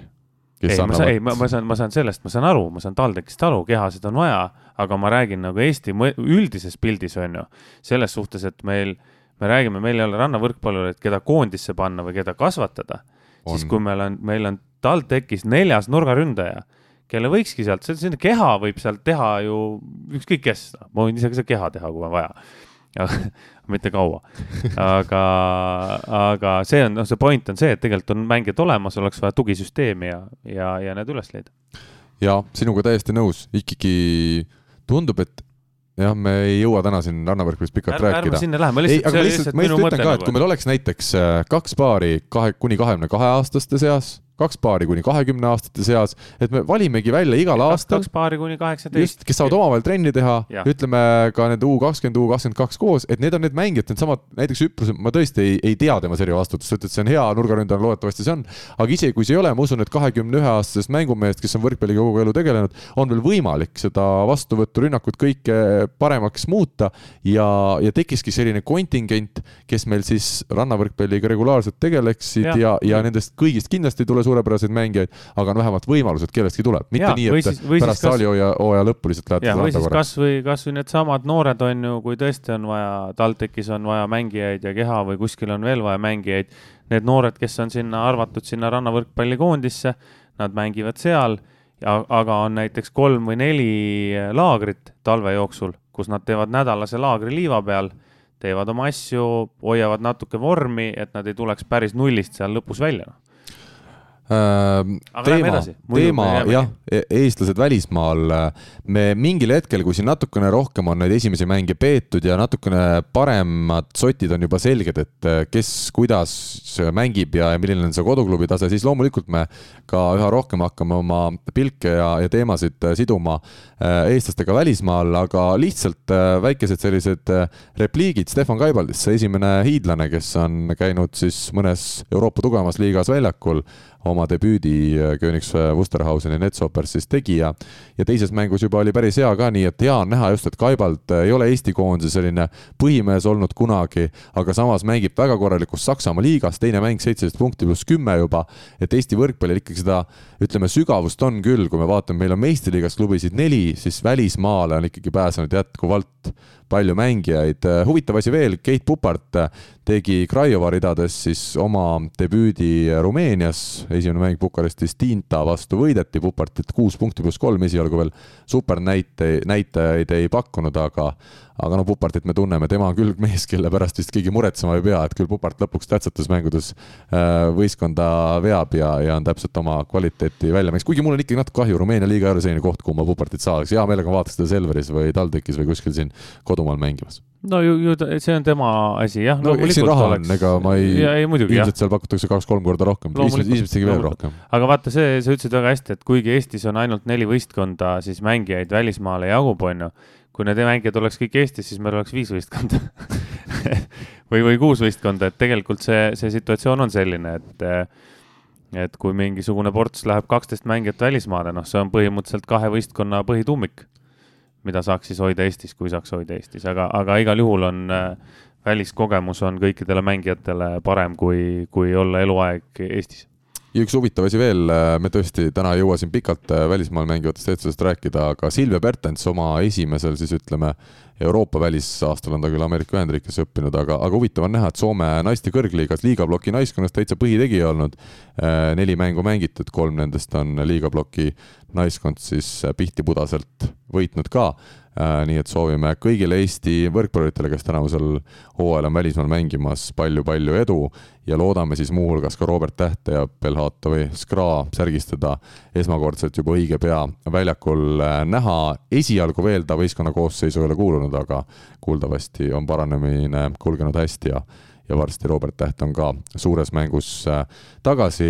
nüüd aga vaatan eelkõige Mihklile otsa, aga loomulikult ka Rivo võib sõna saada. naistel on meil siis äh, ütleme, viimase nädala suurim tulemus ikkagi see, et Tartu Ülikool Bigbank alistas teises mängus Eesti karikavõistluste kaheksandikfinaali siis korduskohtumises kodus Tallinna Ülikool Kikase kolm-null ja kui esimene mäng oli, oli Tallinnas olnud väga tasavägine, Tartu nad alles viienda game'i väga napilt võitsid, siis teine mäng näitas ikkagi, et juba meil on käes oktoobri, ütleme, esimene pool ja juba on Tallinna Ülikool Kikase mängijad olid selgelt väsinud, seda luges välja nii sellest mängupildist kui ka sellest statistikast, et kui siin on palju mänge olnud naiste konkurents, siis veel need noorteklassi mängud siis lihtsalt mängida ei kesta.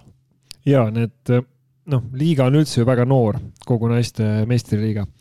et Tartu ja Võru on põhimõtteliselt kõige, kõige vanemad naiskonnad, siis kuskil seal kahekümne nelja äh, eluaastaga on keskmine vanus. sa oled võtnud siis kogu koosseisu või? ma jah, võtsin kogu koosseisu, kõik, kes üles on antud ja.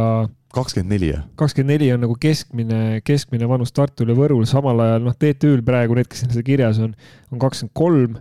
Äh, Tallinna Ülikoolil kakskümmend üks, äh, Tartu siis teisel võistkonnal üheksateist, Viljandil kaheksateist, Audentesel seitseteist pool ja äh, sellel raevõistkonnal ehk siis Tatriku võistkonnal on äh, umbes kuusteist selle keskmine vanus, ehk siis.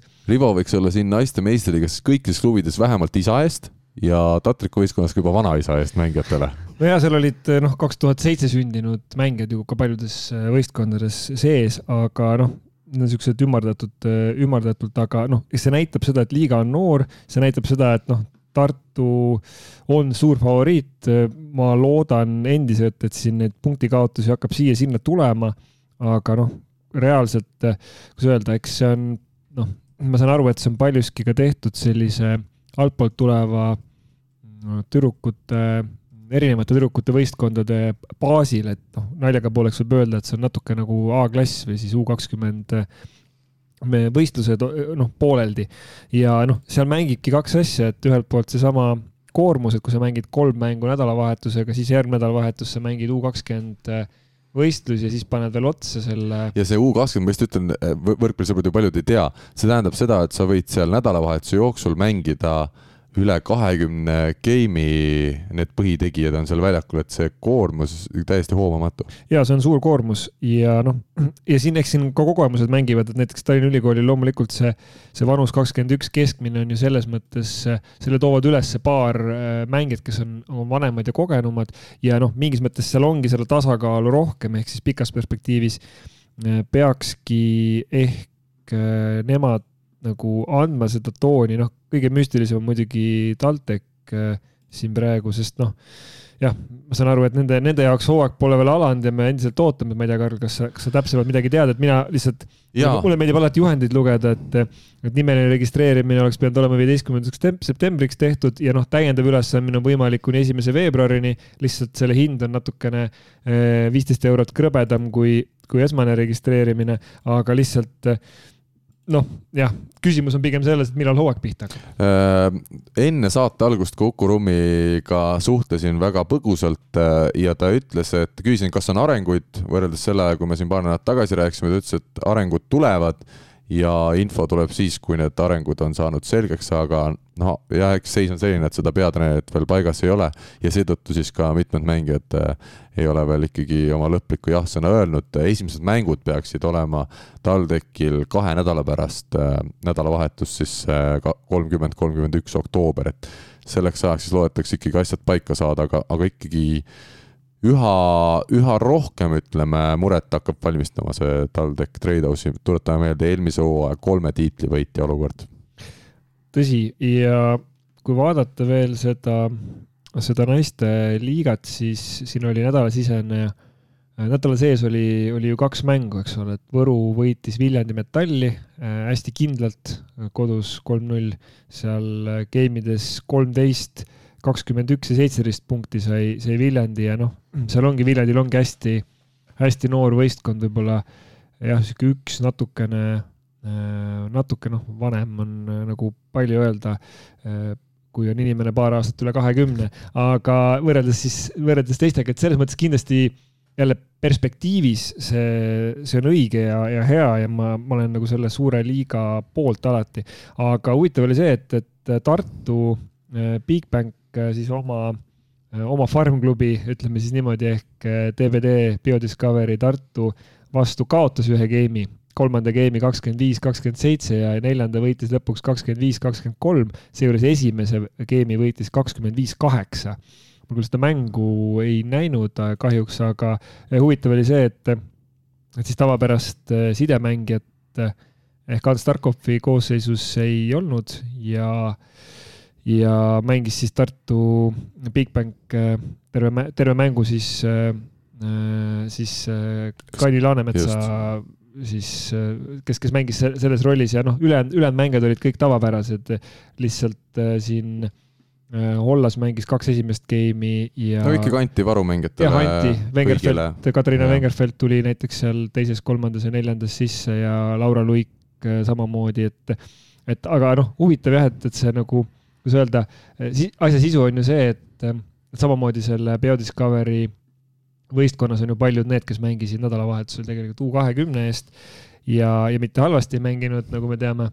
Eh, võiks isegi öelda, et väga hästi võiks isegi öelda, et võitsid. palju õnne võiks öelda isegi lausa. aga, aga see noh, pigem oligi nagu huvitav vaadata, et, et tavaolukorras ilmselt tehtaks sama grupiga siis tehakse ühistreening nii-öelda ja nüüd siis äh, vormistati see meistrivõistluste mänguna, et vaatan, et kuusteist pealtvaatajat on protokollis ka kirja pandud. olid, sina ei olnud nendest? mina kahjuks ei olnud, jälle ma oleks läinud, aga, aga töö hoidis. paganama jalgpall, ma ütlen. töö hoidis täpselt, et kui see, kui see töö veel hobil nagu ees ei oleks. Äh, aga ma just mõtlesin, et, et huvitav, kas peatreener Rikand oli, oli ka ikkagi mängul või oli Portugali lennanud, et protokollis ta küll siin on, et. minu arust ta seekord ei läinud Portugali. no vot, siis ta siis ohverdaski Tartu äh, vastasseisu, Tartu Madina ohverdas äh, Portugali lendamise. no normaalne mees, ma ütlen ikkagi selles suhtes.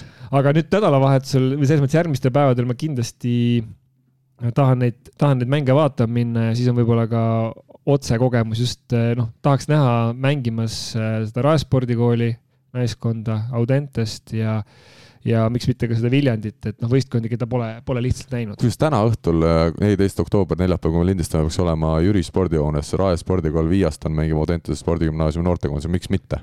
peab paika. aga ma, me vist siin naiste võrkpallis täna rohkem pikemalt ei peatu, meil on nimelt äh, lõputeema veel ees ootamas ja kuna Rivo on juba vaikselt äh, hiilimas äh, meie mõnusast stuudiost välja, siis üritame ikkagi teda ka veel punti võtta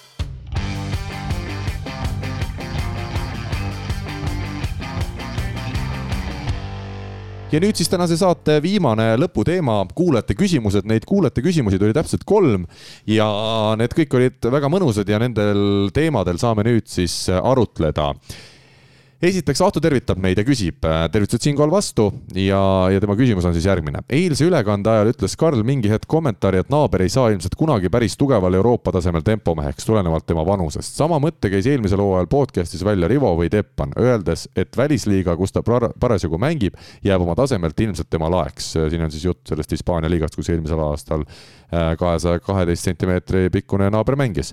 kas Rivo analüüsiks, mis jääb naabril puudu võrreldes näiteks Eesti koondises olevate tempomeestega ja mis neist puudujääkidest on veel treeninguga likvideeritavad ja mis ei ole? ma, ma arvan, et mina see ei olnud, kes seda ütles, ma pigem oli see Teppan, et, et mina, ma ei ole nende liigadega nii kursis, et Rene julgeb öelda ma ütlen naabri vanuse ka ära, et äh, siis me, meil inimestel kõigil pilt ees. saab kakskümmend üheksa detsembris no,. oled sa juba sünnipäevakutse saanud? ei ole veel, aga tal on üks päev hiljem sünnipäev kui Eesti Jalgpalliliidul, nii et siis peab nagu meeles pidama. väga eba, ebavajalik fakt, aga, aga Lähme edasi saate. Rivo. et äh, jah, kahekümne üheksa aastane, kuhugile kõrgemale ta jõudnud ei ole, noh, võib-olla ta on isegi kõrgele jõudnud, ikka arvestades seda, kui hilja ta võrkpalli juurde jõudis ja küll, kuidas ta jõudis. seda küll, aga ütleme nii, et selles vanuses enam ega väga-väga suurt kiiremaks ei lähe. võib-olla kui sinna massi peale panna, läheb veel aeglasemaks, on ju. et selleks ajaks, kui ollakse, siis ollakse ikkagi tipus. muidugi ta tuli nii hilja, et ma annaks talle siin paar aastat veel aega, aga, aga kui ta noh Tartus praegu ei mahu peale, siis äh, noh, siis, siis, siis, siis on ikka raske kuhugile jõuda, et ma, ma niimoodi süvaanalüüsi ei, ei oskagi teha selle koha pealt, et ma ei tea, ma ei ole teda nii palju näinud, et öelda, et vot nüüd on tal see puudu või see puudu või see puudu.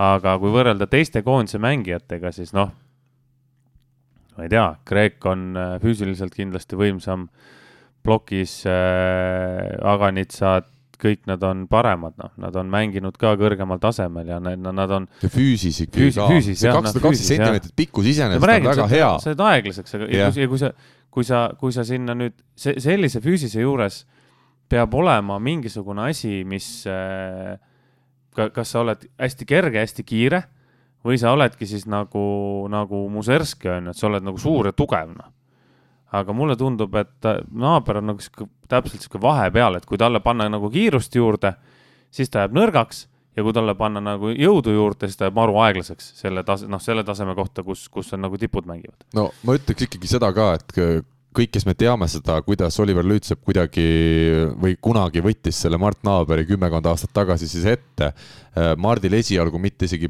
palli, palli löömisest, vaid ütleme palli vaatamisest, tuli, tuli õpetada, kuidas palli võib-olla vaadatagi alguses ja siis läksid aastad, kuni ta hakkas pallile pihta saama. ja et tegelikult see areng on Mardi puhul olnud ikkagi fenomenaalne. kuidas ja. mees, kes ei olnud sisuliselt spordiga eriti seotud, kuidas ta täna mängib, ikkagi on kaks aastat mänginud tugev, normaalsetes välisliigades, Eestis tugevamates liigades, Soomes ja Hispaanias, kuidas ta eilegi euromängul näiteks lööb servi. mõtled justkui tema see kümne aasta tagune puisus Mm. et, et äh, eile ta tuli minu arust ka servivahetusena ju vist väljakule, et tegelikult äh, kõik lihtsalt paratamatu on, see kõik ei saagi maailma tippu jõuda. ja, aga ma arvan, et kui see mees oleks äh,, oleks võetud kaheteist, kolmeteist aastaselt võrkpallitrenni, siis täna ma usun, et tema oleks võinud olla ka maailma tipus, noh, kas nüüd tipus tipus, aga ikkagi, ikkagi kõrgemates liigades, kui, kus ta on mänginud, sest hilise arenguga ongi täpselt see, et sa või hilja, hilja hakkad tegema, see ongi täpselt see, et sa sa ei saagi mingeid asju paika, sa ei saa oma füüsiseid asju paika, sa ei saagi lõpuks. no füüsist veel nagu saab, aga see ikkagi ja, plastilisus ja. ja see plastilisus, see tuleb kõik sinna juurde, et sa mm., lapsest peale, kui sa kõigepealt saad tehnika selgeks, on ju, ja sealt hakkad vaikselt minema, siis, siis saab hakata timmima neid asju teine küsimus äh, tuleb siis Ahtolt, veel üks küsimus Rivole, millele olen mõelda, mõnda aega mõelnud. Rivo oli vägagi maailmatasemel rannavõrkpallur, aga tema saalivõrkpalluri karjääri üle olete te saates pidevalt nalja teinud, et enamiku ajast veetis ta nurgas, kastis.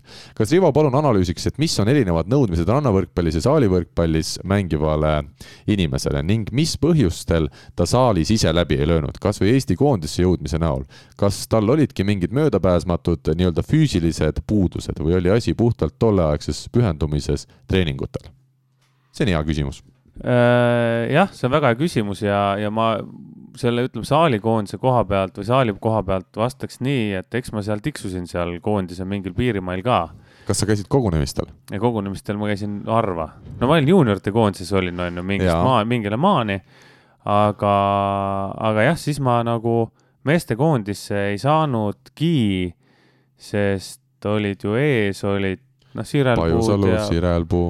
Pajusalu, Sirelpuu, Pihlak oli siis, noh, neid mehi oli seal nii palju ees ja ma olin füüsiliselt nõrk. ma reaalselt olingi füüsiliselt nõrk. et esimese tempo ründaja kohta meeter üheksakümmend üheksa, äh, kiire käega küll, on ju, plokis liikumine ka üsna kiire, aga ma olin füüsiliselt nõrk mm.. ma ei suutnud nii kõrgelt lüüa, kui on vaja tegelikult mingil tasemel, on ju. ja, ja noh ja siis ma kahekümne ühe aastaselt ma juba läksin põhimõtteliselt läks rannavõrkpalli mängima, et ega ma ei tea, noh, ma, ma arvan ise, ma olen ise mõelnud selle peale.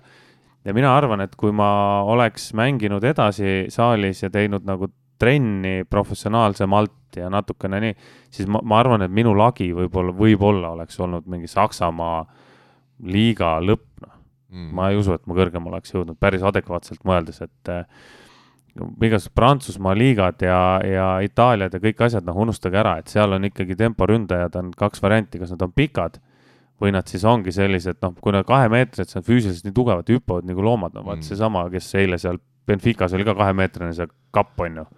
no come on. mina, panna mind, kaks tükki saaks minust, sellest saaks kaks minda. aga rannavõrkpallis ongi see, et sul rannavõrkpallis äh, on äh,, kuidas öelda seal saad rohkem osavusega teha asju ära, seal saab rohkem teha nagu peaga asju ära ja, ja sul on nagu rohkem ruumi, kuhu seda palli panna. Väga hea, äh, ma ei jääks seda teemat nüüd pikemalt siin äh, arutama, kuna meil on viimane küsimus ja viimane teema ja see on huvitav teema.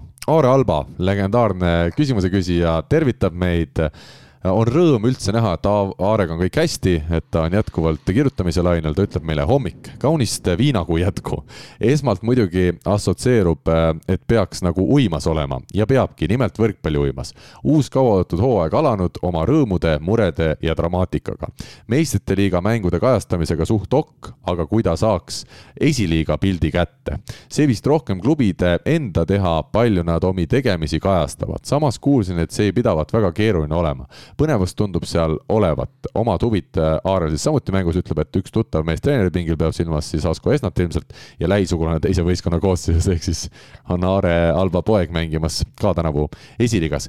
ja see on nüüd huvitav teema, mida võib siin arutada, me oleme seda kunagi arutanud mina olen öelnud alati ajakirjaniku vaatenurgast, et esimene asi, mida peab saali võrkpalli esiliigas meil meeste seas, kui me meeste liigast praegu räägime, äh, tegema, on see, et peab tegema statistika igast mängust. see on, see on igasugune eeldus ja alus üldse sellele, et kuidagi ka meedias võiks seda esiliigast kajastada, et ma uurisin Mihkel Sagar, meie ütleme, üks põhilisi statistikuid, tema ütleb, et ühe mängu peale läheb siis statistikule maksmiseks kolmkümmend eurot ja ma võtsin nagu päris laias laastus, ütleme, et Äh, kodumänge on kaks tükki klubil, keskmiselt käib ühel esiliiga klubil, ütleme mängudel kümme mängijat. kui sa paned kuus-kaks mängu ja kolmkümmend eurot mõlema mängu eest, siis no palju see tuleb, kuus eurot peab üks mängija siis äh, maksma kuus juurde selle eest, et saaks kena statistika tehtud. teine asi, mis nüüd on see probleem, on see, et Eestis on ikkagi statistikuid äh, kahe käe sõrmedel lugemisest piisab ja sellega asi piirdubki, et äh, Sagar ütles ka, et ta on tasuta neid koolitusi teinud ja teeb edaspidigi, näiteks Tallinnas on sel sügisel teinud kolmele inimesele ja Tartus ka kolmele inimesele, aga Tartus nendest kolmest inimesest kaks olid siis Tartu naiskondade peatreenerid äh, Janika Jakobson ja Hendrik Rikand, et noh, nemad oma mängude kõrvalt või samal ajal ilmselt seal otsatribüünil seda statistikat tegema ei lähe ka, kuigi noh, väga tore näha, et treeneritel on ka see huvi teada, kuidas asjade tegemine käib. et siin on mitu küsimust, aga ma ikkagi väga-väga-väga-väga soovitaks Eesti liiga klubidel võtta see kuidagi kasvõi koos teemaks, äh, kasvõi alaliidu poolt ja, ja tehagi see küsimus, et äkki meil õnnestub igast klubist leida ka selline üks inimene, kes on siis kas ise mänginud või vigastusega eemal või enam ei mängi lihtsalt, aga, aga mängudel ikkagi käib, et seda statistikat võiks nendest mängudest teha, sest tänavusel hooajal on Eesti esiliiga tänu sellele, et meistriliiga tase on nüüd langenud ei ole enam nii palju huvitav, on esiliiga selle võrra jälle tõusnud. esiliiga on väga huvitav geograafiliselt Rakvere, Põltsamaa, Saaremaa, Viljandi, Võru, Tallinn, äh, noh, Tartu, eks ole, kõik, kõik on olemas, ehk siis, aga mina lähtuks sellest, esiliiga on selgelt, see on harrastusvõrkpall, siin on, see, see põhineb vabatahtlikkusel ehk inimesed tulevad vabatahtlikult kokku, et siin ei tasu oodata kindlasti, et äh, keegi teine nende eest asju ära teeb. ehk siis äh, mina soovitaks klubidel, võtke initsiatiiv, öelgegi, et. aga kas nad äh, võtavad ise, ma mõtlen no, ikkagi jah, sisend aga... peab ilmselt tulema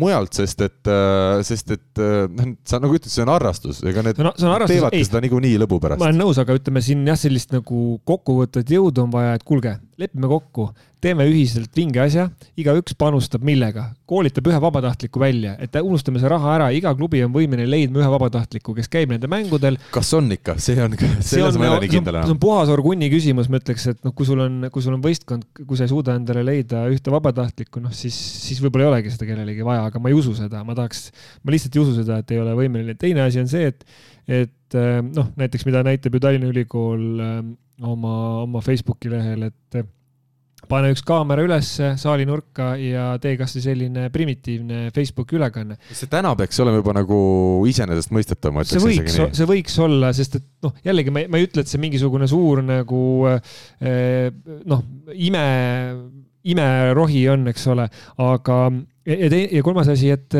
et noh, keegi ei keela igal klubil jällegi ise nagu kirjutada sellest või ennast nagu, nagu promoda või Kõik leida see. võimalused täna on, see sotsiaalmeedia on su enda meediakanal, kus sa saadki kõike jagada, intervjuusid, lugusid, videoid. ma ei ütle, et see lihtne on, aga ma ütlen Kindlasti nagu, ma ütlen nagu printsiibina, no võtame näiteks noh, ma ei tea, Rakvere. ma kujutan ette, et Rakveres on endiselt äh, väga hea noorte võrkpallitöö käimas, nii nagu vanadel headel aegadel, siis äh, kui see on, kui see on klubi, sa, sa, sa peaksid leidma, noh, kes seal, ütleme, võrkpallitrennis käivad, mõni läheb äh, tippvõrkpalli, mõni läheb sinna esiliigasse mängima, see Rakvere võistkonna eest, aga valdav osa, kes on võrkpallitrennis aasta jooksul käinud, nad ei ole enam aktiivse mängijana seotud, aga võib-olla nad tahaksid olla kaasatud mingit muud moodi, kas tahavadki tulla statistikuna appi, kirjutama, ma ei tea, pilte tegema, panevadki seda Facebooki laivi sinna ülesse. et see ongi klubi mõte, et sa tekitad sellise järjepidevuse, et sul on teada, ahah ka treenerid ju, noortetreenerid teavad, et okei okay,, et mul oli grupis äh, see poiss, ta oli päris tark, et võib-olla võrkpalli ta nii tipptasemel ei mänginud, aga tead, ma kaasaks ta klubi muudesse tegemistesse vabatahtlikuna või ma maksan talle mingisuguse väikese äh, taskuraha selle eest, et ta mul abis käib. et noh, see olekski nagu normaalne, noh, klubiline nagu see või noh, sama näide, et kui sul on klubi esindusmeeskond ja sul on noored, siis noored käivad, noh, ütleme siis seal, kas siis, okei okay,, esiliigas ma saan aru, ei ole seda nõuet, et peaks pallilapsi seal, seal käima, aga põhimõtteliselt sa saad rakendada neid ju nendes rollides, siis see mhm. kasvatab ka seda, et, et vahet ei ole, et see esiliiga on, sellest pole vahet, et meil ei ole nüüd meistriliiga võistkonda.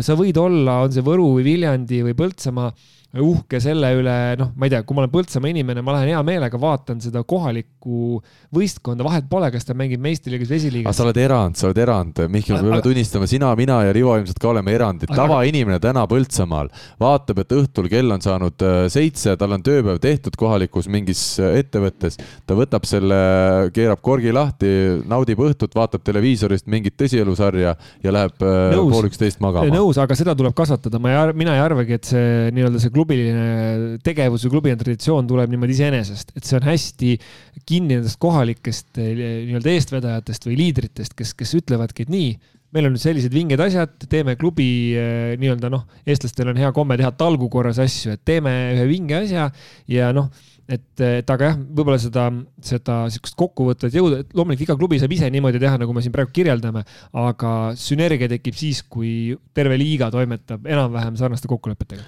Rivo, ma tean, sul on aeg minna, aga, aga jah, mis sina sellest äh, arvad, kuidas teha esiliigat huvitavaks? ma ütlen äh, Aare Albale siit, et sport.televisioon.ee on selline koht, kus absoluutselt igal pool, kus on ai kaamerad üleval, nad näitavad ka Eesti esiliiga võrkpalli ja naiste võrkpalli ja kõik et ma olen aga see ei ole igal pool üleval, seal on see küsimus vist. jah, ma olen vaadanud mingit, mingit esiliiga mänge sealt eelmine aasta ise ka, et, et mingeid mänge sealt leiab, et tasub vaadata. mis on minu arvamus selle kohta, kuidas teha huvitavamaks, ma olen Mihkliga nõus selles suhtes, et see klubine, klubiline tegevus äh, võiks ollagi noh, suunatud siis millegile muule ka kui ainult võrkpalli mängimisele, et äh, võrkpalli mängimine on üks osa sellest. ja ma tean, et on mingid vanemad äh, võrkpallisõbrad, kes ütlevad, et see on jama, et võrkpall peab olema ikkagi A ja O ja sellepärast peab inimene saali tulema. aga me peame täna saama nendest mm, paradigmadest lahti, et mis... meil ongi vaja need inimesed sinna saali tuua, kui me näeme, et klassikaline viis ei too, et need võrkpallimängud ise ei too, siis me peame tegema selle õhtu inimestele lõbusaks, et nad seal Põltsamaal ka tahaks tulla mängule. ja, ja, ja ei no võrkpall on, äh, võrkpall on meelelahutus, kogu sport on meelelahutus, eks ja, ja siis see meelelahutus äh, ju lõppkokkuvõttes on see, et kui sa lähed kontserdile, on ju, kui mina lähen äh,, ma ei tea, ükskõik mis, õllesummerile ja seal esineb kuus bändi, siis äh,, siis noh, selleks, et näha oma seda bändi, kes mulle tegelikult meeldib, on ju, siis võib-olla ma vaatan kolmteist bändi veel ära.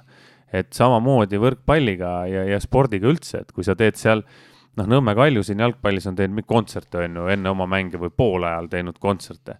mis tähendab seda, et võib-olla seda inimest see jalgpall tegelikult alguses ei huvitagi, et ta ei tule sinna staadionile sellepärast, et, et nüüd vaadata jalgpalli, on ju. Selver tegi kunagi mingi A-rühm esines mm.. aga talle meeldib lihtsalt olla seal. esines Audentes, ei noh, see point on see, et alguses sa pead sa inimese saama saali, ta pole seal kunagi käinud mm. -hmm. või sinna jalgpallistaadioni, ta pole kunagi käinud seal ja, ja ta ei teagi, mis atmosfäär seal on, ta yeah. tuleb kohale, mäng veel käib, sest ta tuleb alati varem kohale kontserdile, sest minna seda äkki hiljaks, on ju.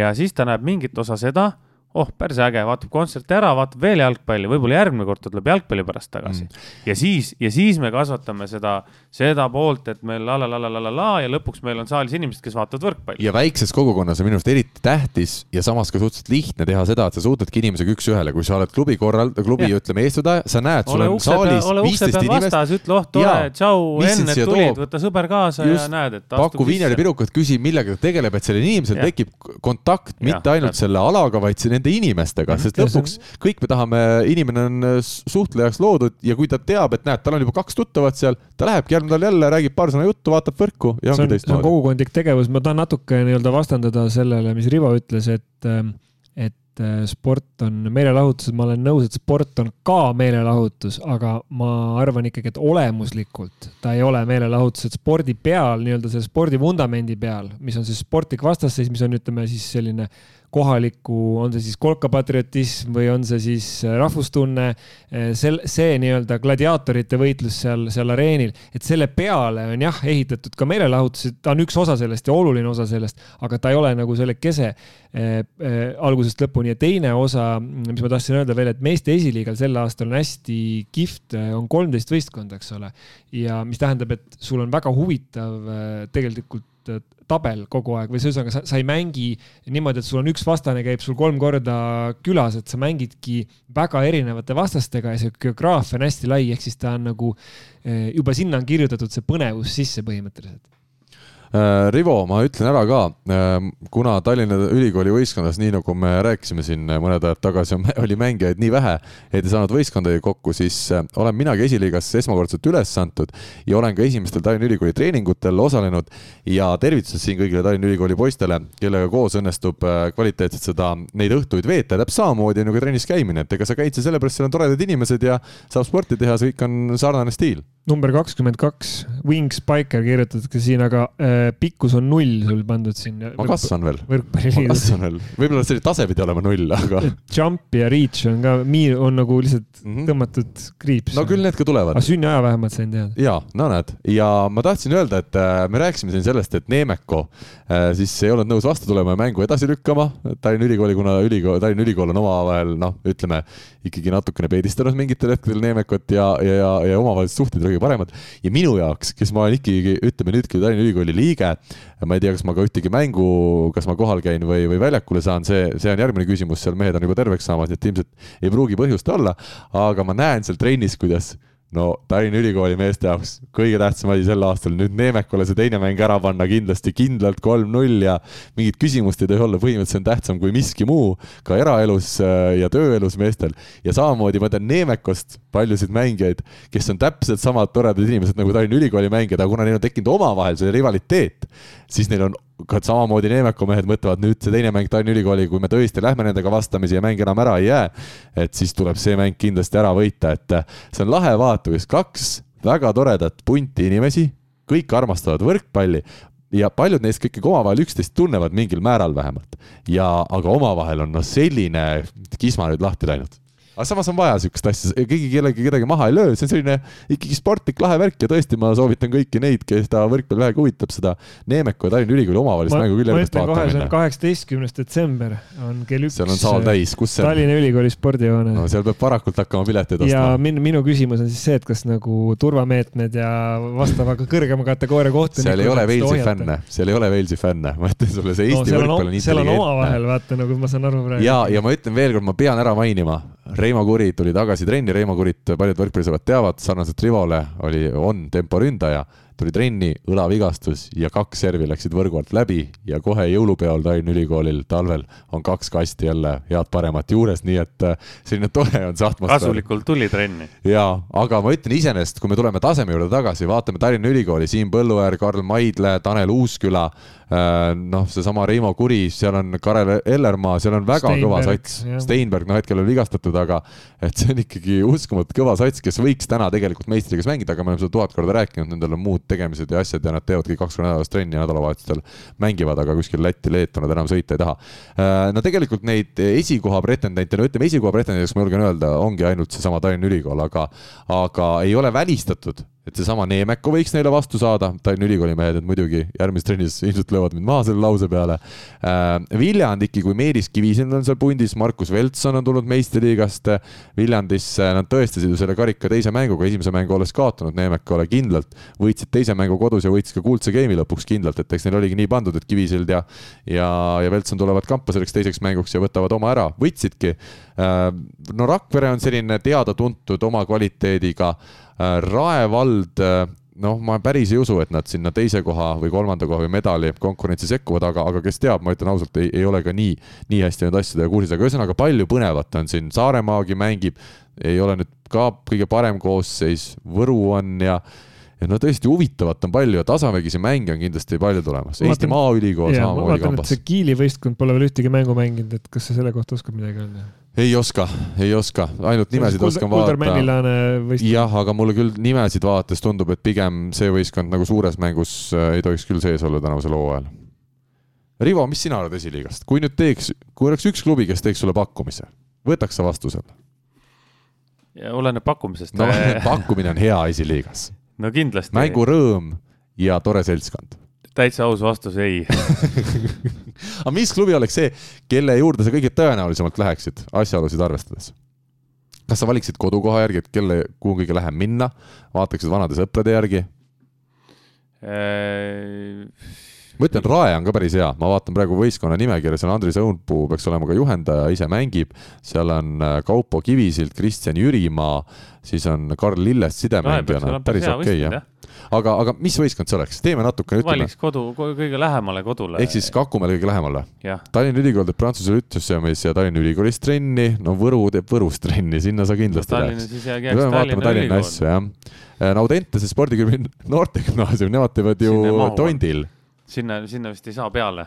ma arvan, Raul Reiter võtaks sind vastu, ma loodan, et ta kuulab meid. ma olen pikalt käinud kusjuures niimoodi trennis ju nendega, esiliiga trennis lihtsalt, et käin trennis ja, ja kuni mingi isegi kolmekümne ühe eluaastani, et mm -hmm. isegi nimekiri, tegelikult kusjuures saab, nimekirja saab, ma olen mänginud ka no, muidugi noortekoondises. nii et sinna siis? võib-olla Rauli juurde isegi läheks jah, Raul on muhe vend.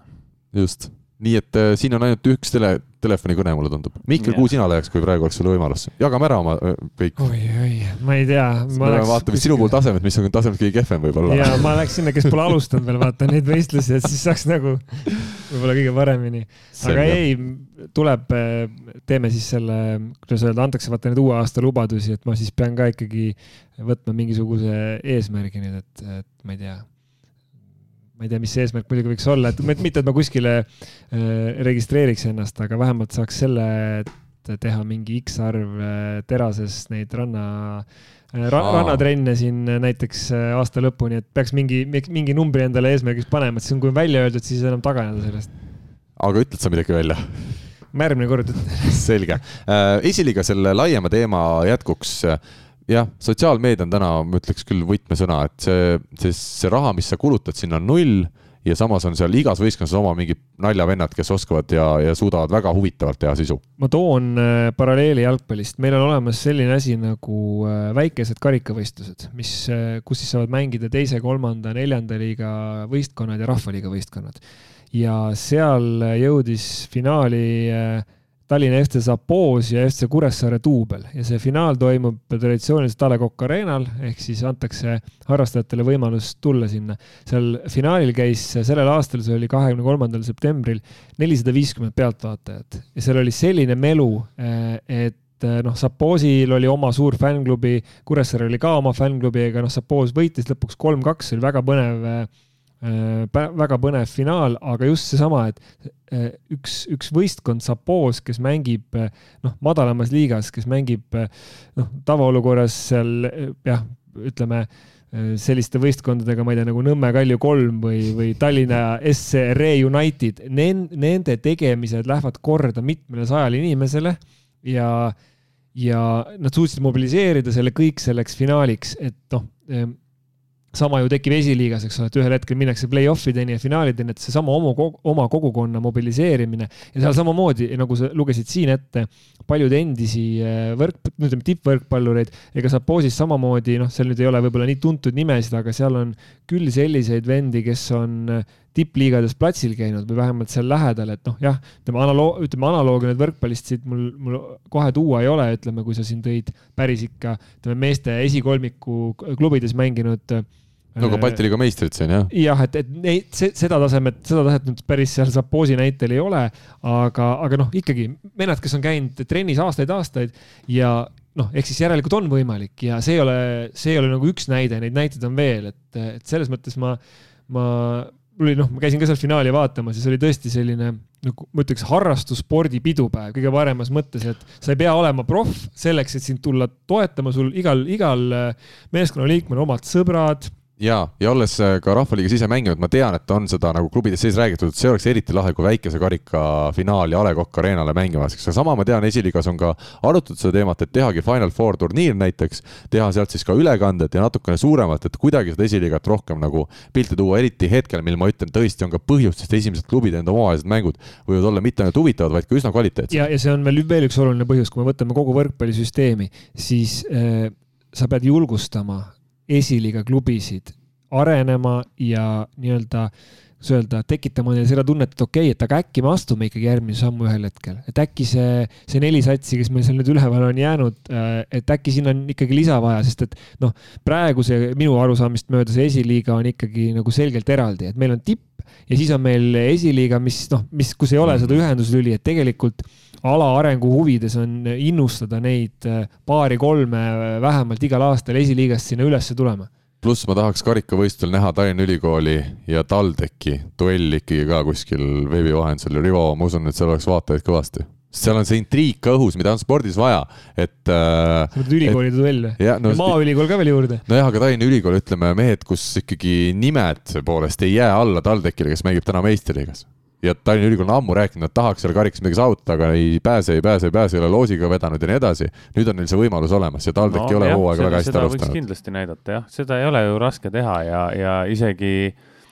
see võiks olla mõttekoht isegi näiteks alaliidule näidata seda mängu kasvõi teles, kui ma ei tea, kui palju neid telemänge üldse see aasta tuleb või kuidas neid tuleb. Need on kõik juba vist paika pandud. et see oleks võinud olla küll mõttekoht, et miks mitte mm. -hmm. aga üks asi veel, me rääkisime Audentesest naljanurga alt, et Rivo võiks sinna minna, tegelikult Audentesel mõneaastase pausi ajal, ma julgen öelda, on päris hea sats kokku saanud. Äh, võib-olla nimi, kes ütleb keskmisele võrkpallisõbrale ka midagi, Tristan Täht põhjus väga lihtne, kuna vanem vend Robert on meile kõigile teada. Tristanil on täpselt samasugused äh, liigutused, täpselt samasugune nahaalsus äh, ja võitleja mentaliteet nagu vennal. Ähm, ja tema on nüüd siis ka, no ta on sünniaasta kaks tuhat viis, ta on hetkel siis äh, kuueteistaastane, aga ta on juba mehe mõõtu vaikselt võtnud. ja, ja väga huvitav on jälgida, kuidas ta hakkama saab, siin temaga rannavale paarine Mati Uus näiteks, mees, kellel või poiss, kellel pikkust juba seal kahe meetri juures on, on väga korralikult arenenud. Jan Stoog oli üks huvitav nimi, Kristo-Joosep Peterson, Joosep Põldmaa, et neid huvitavaid mehi tegelikult seal esiliigast leiab ka, kellel tegelikult on potentsiaali nüüd nii-öelda järgmiseks siis Ehm, noh, põlvkonnaks kasvada, kellest ka saavad tasemel mängumehed Eesti võrkpallil jah, seal on alati olnud neid. Eh, no päris eelmistel aastatel oli ikka. osad aastad on paremad, osad aastad on halvemad, on ju, aga, aga neid on sealt ikka läbi käinud kõvasti, neid mängijaid.